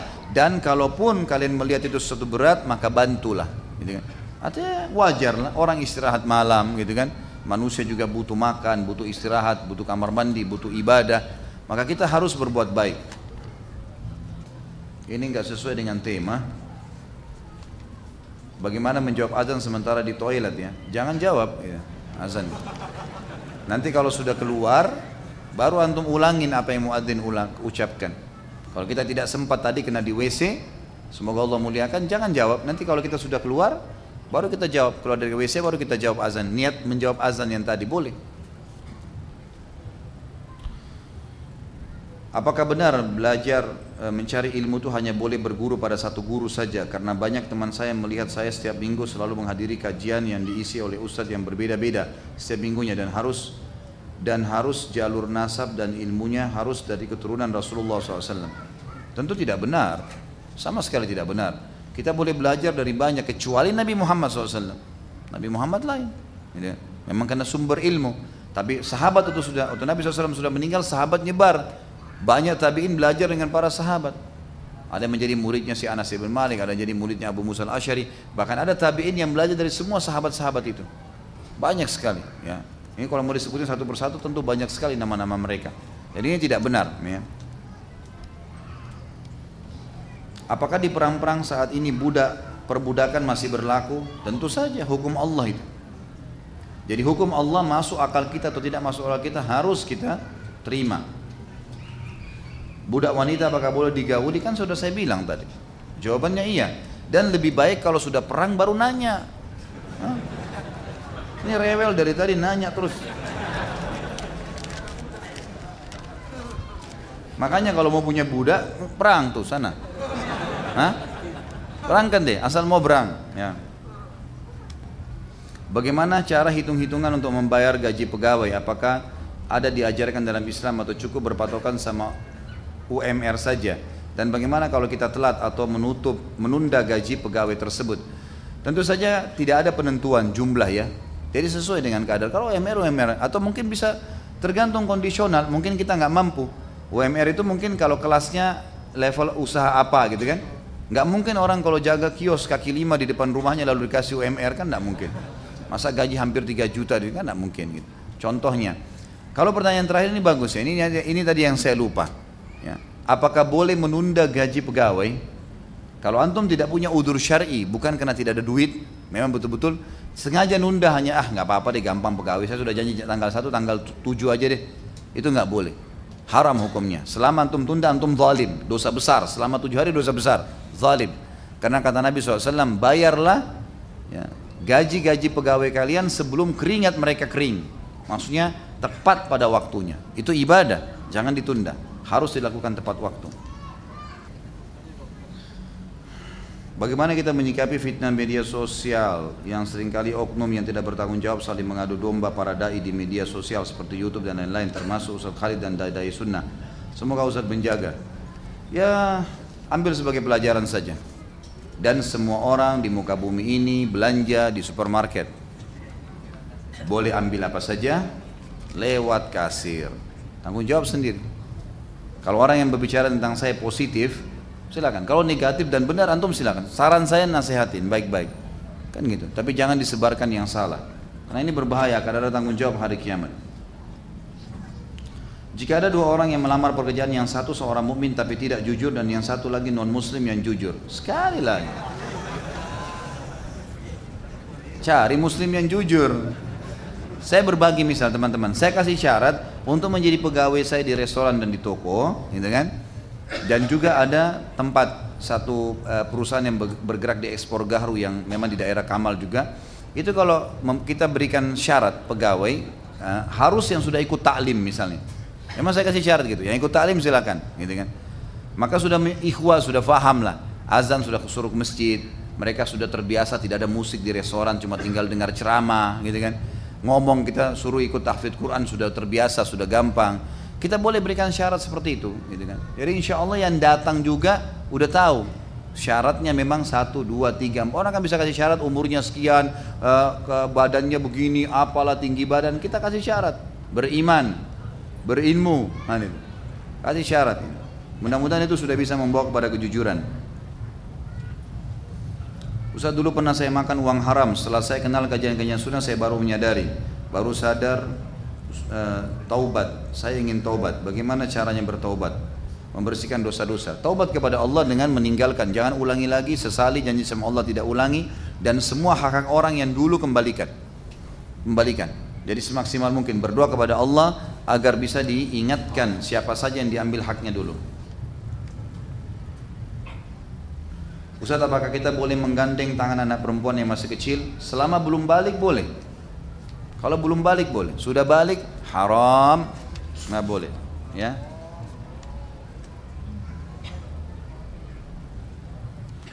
Sesungguhnya kebaikan yang akan menggiring seorang mukmin setelah ia meninggal adalah ilmu yang ia ajarkan dan anak soleh yang ia tinggalkan dan Al-Quran yang ia wariskan atau masjid yang ia bangun atau rumah yang ia bangun untuk ibnu sabil. Atau sungai yang ia alirkan untuk orang lain atau sedekah yang ia keluarkan dari harta miliknya di mana di masa sehat dan masa hidupnya. Semuanya akan menggiringnya setelah meninggal. Apakah benar sanatnya hasan? Dan apa perbedaan antara hadis hasan as-sahih hasan dan dhaif? Mana yang lebih dahulu kita amalkan? Dan apakah arti Ibnu Sabil sama dengan fakir miskin? Tentu hadisnya hasan, benar ya. Kalau perbedaan hadis sahih sama hadis hasan hadis dhaif itu sudah pernah kita jelaskan. Hadis sahih adalah yang sehat jalur nasabnya, sehat matannya. Jalur sanad fulan meriwayatkan dari fulan, dari fuhan, dari sahabat Nabi, dari Nabi SAW. Ini semua terpercaya, orang beriman, hafalannya kuat dan matan hadisnya juga sehat. Maka matan itu isi hadisnya ya, tidak rancuh maknanya. Maka ini baru sahih. Kalau ada di jalur sanatnya satu orang saja yang lemah hafalan atau pernah melakukan satu hal yang mencoreng muruannya, termasuk ulama mengatakan kalau melakukan hal yang makruh, pindah jadi hadis hasan. Kalau ada di antaranya perawi hadis itu yang tidak jelas statusnya, tidak ditahu siapa dia, siapa gurunya, tidak ada pendapat ulama yang memujinya, maka hadisnya menjadi lemah. Apalagi kalau ada pendusta, gitu. apa, apa, apa orang yang pernah melakukan perbuatan dosa gitu kan besar maka pindah. Kalau hadis yang terakhir maudhu itu adalah hadis yang dusta, orang ngarang-ngarang. Ini ketahuan karena salah satu perawinya atau bahkan lebih dari satu orang semuanya itu adalah orang-orang yang tidak jujur. Anda pernah membunuh tikus dengan air keras atau praktek di tempat kerjaan, di tempat kerjaan, di tempat jebakan tikus. Apakah Anda termasuk berdosa? Apa doanya untuk meminta ampunan? Eh, apa yang harus Anda lakukan untuk meminta ampunan? Tentu saja nggak boleh menyiksa hewan, dosa. Walaupun hewan itu dasar boleh dibunuh, haram, nggak boleh. Antum taubat kepada Allah Subhanahu Wa Taala dan jangan diulangi lagi. Ya, Allahu alam. Ini yang saya tahu. Apakah para sahabat juga mengalami keimanan menurun dan bagaimana cara sahabat mengatasi keimanan? Tentu saja. Iman itu naik turun, ya, naik turun.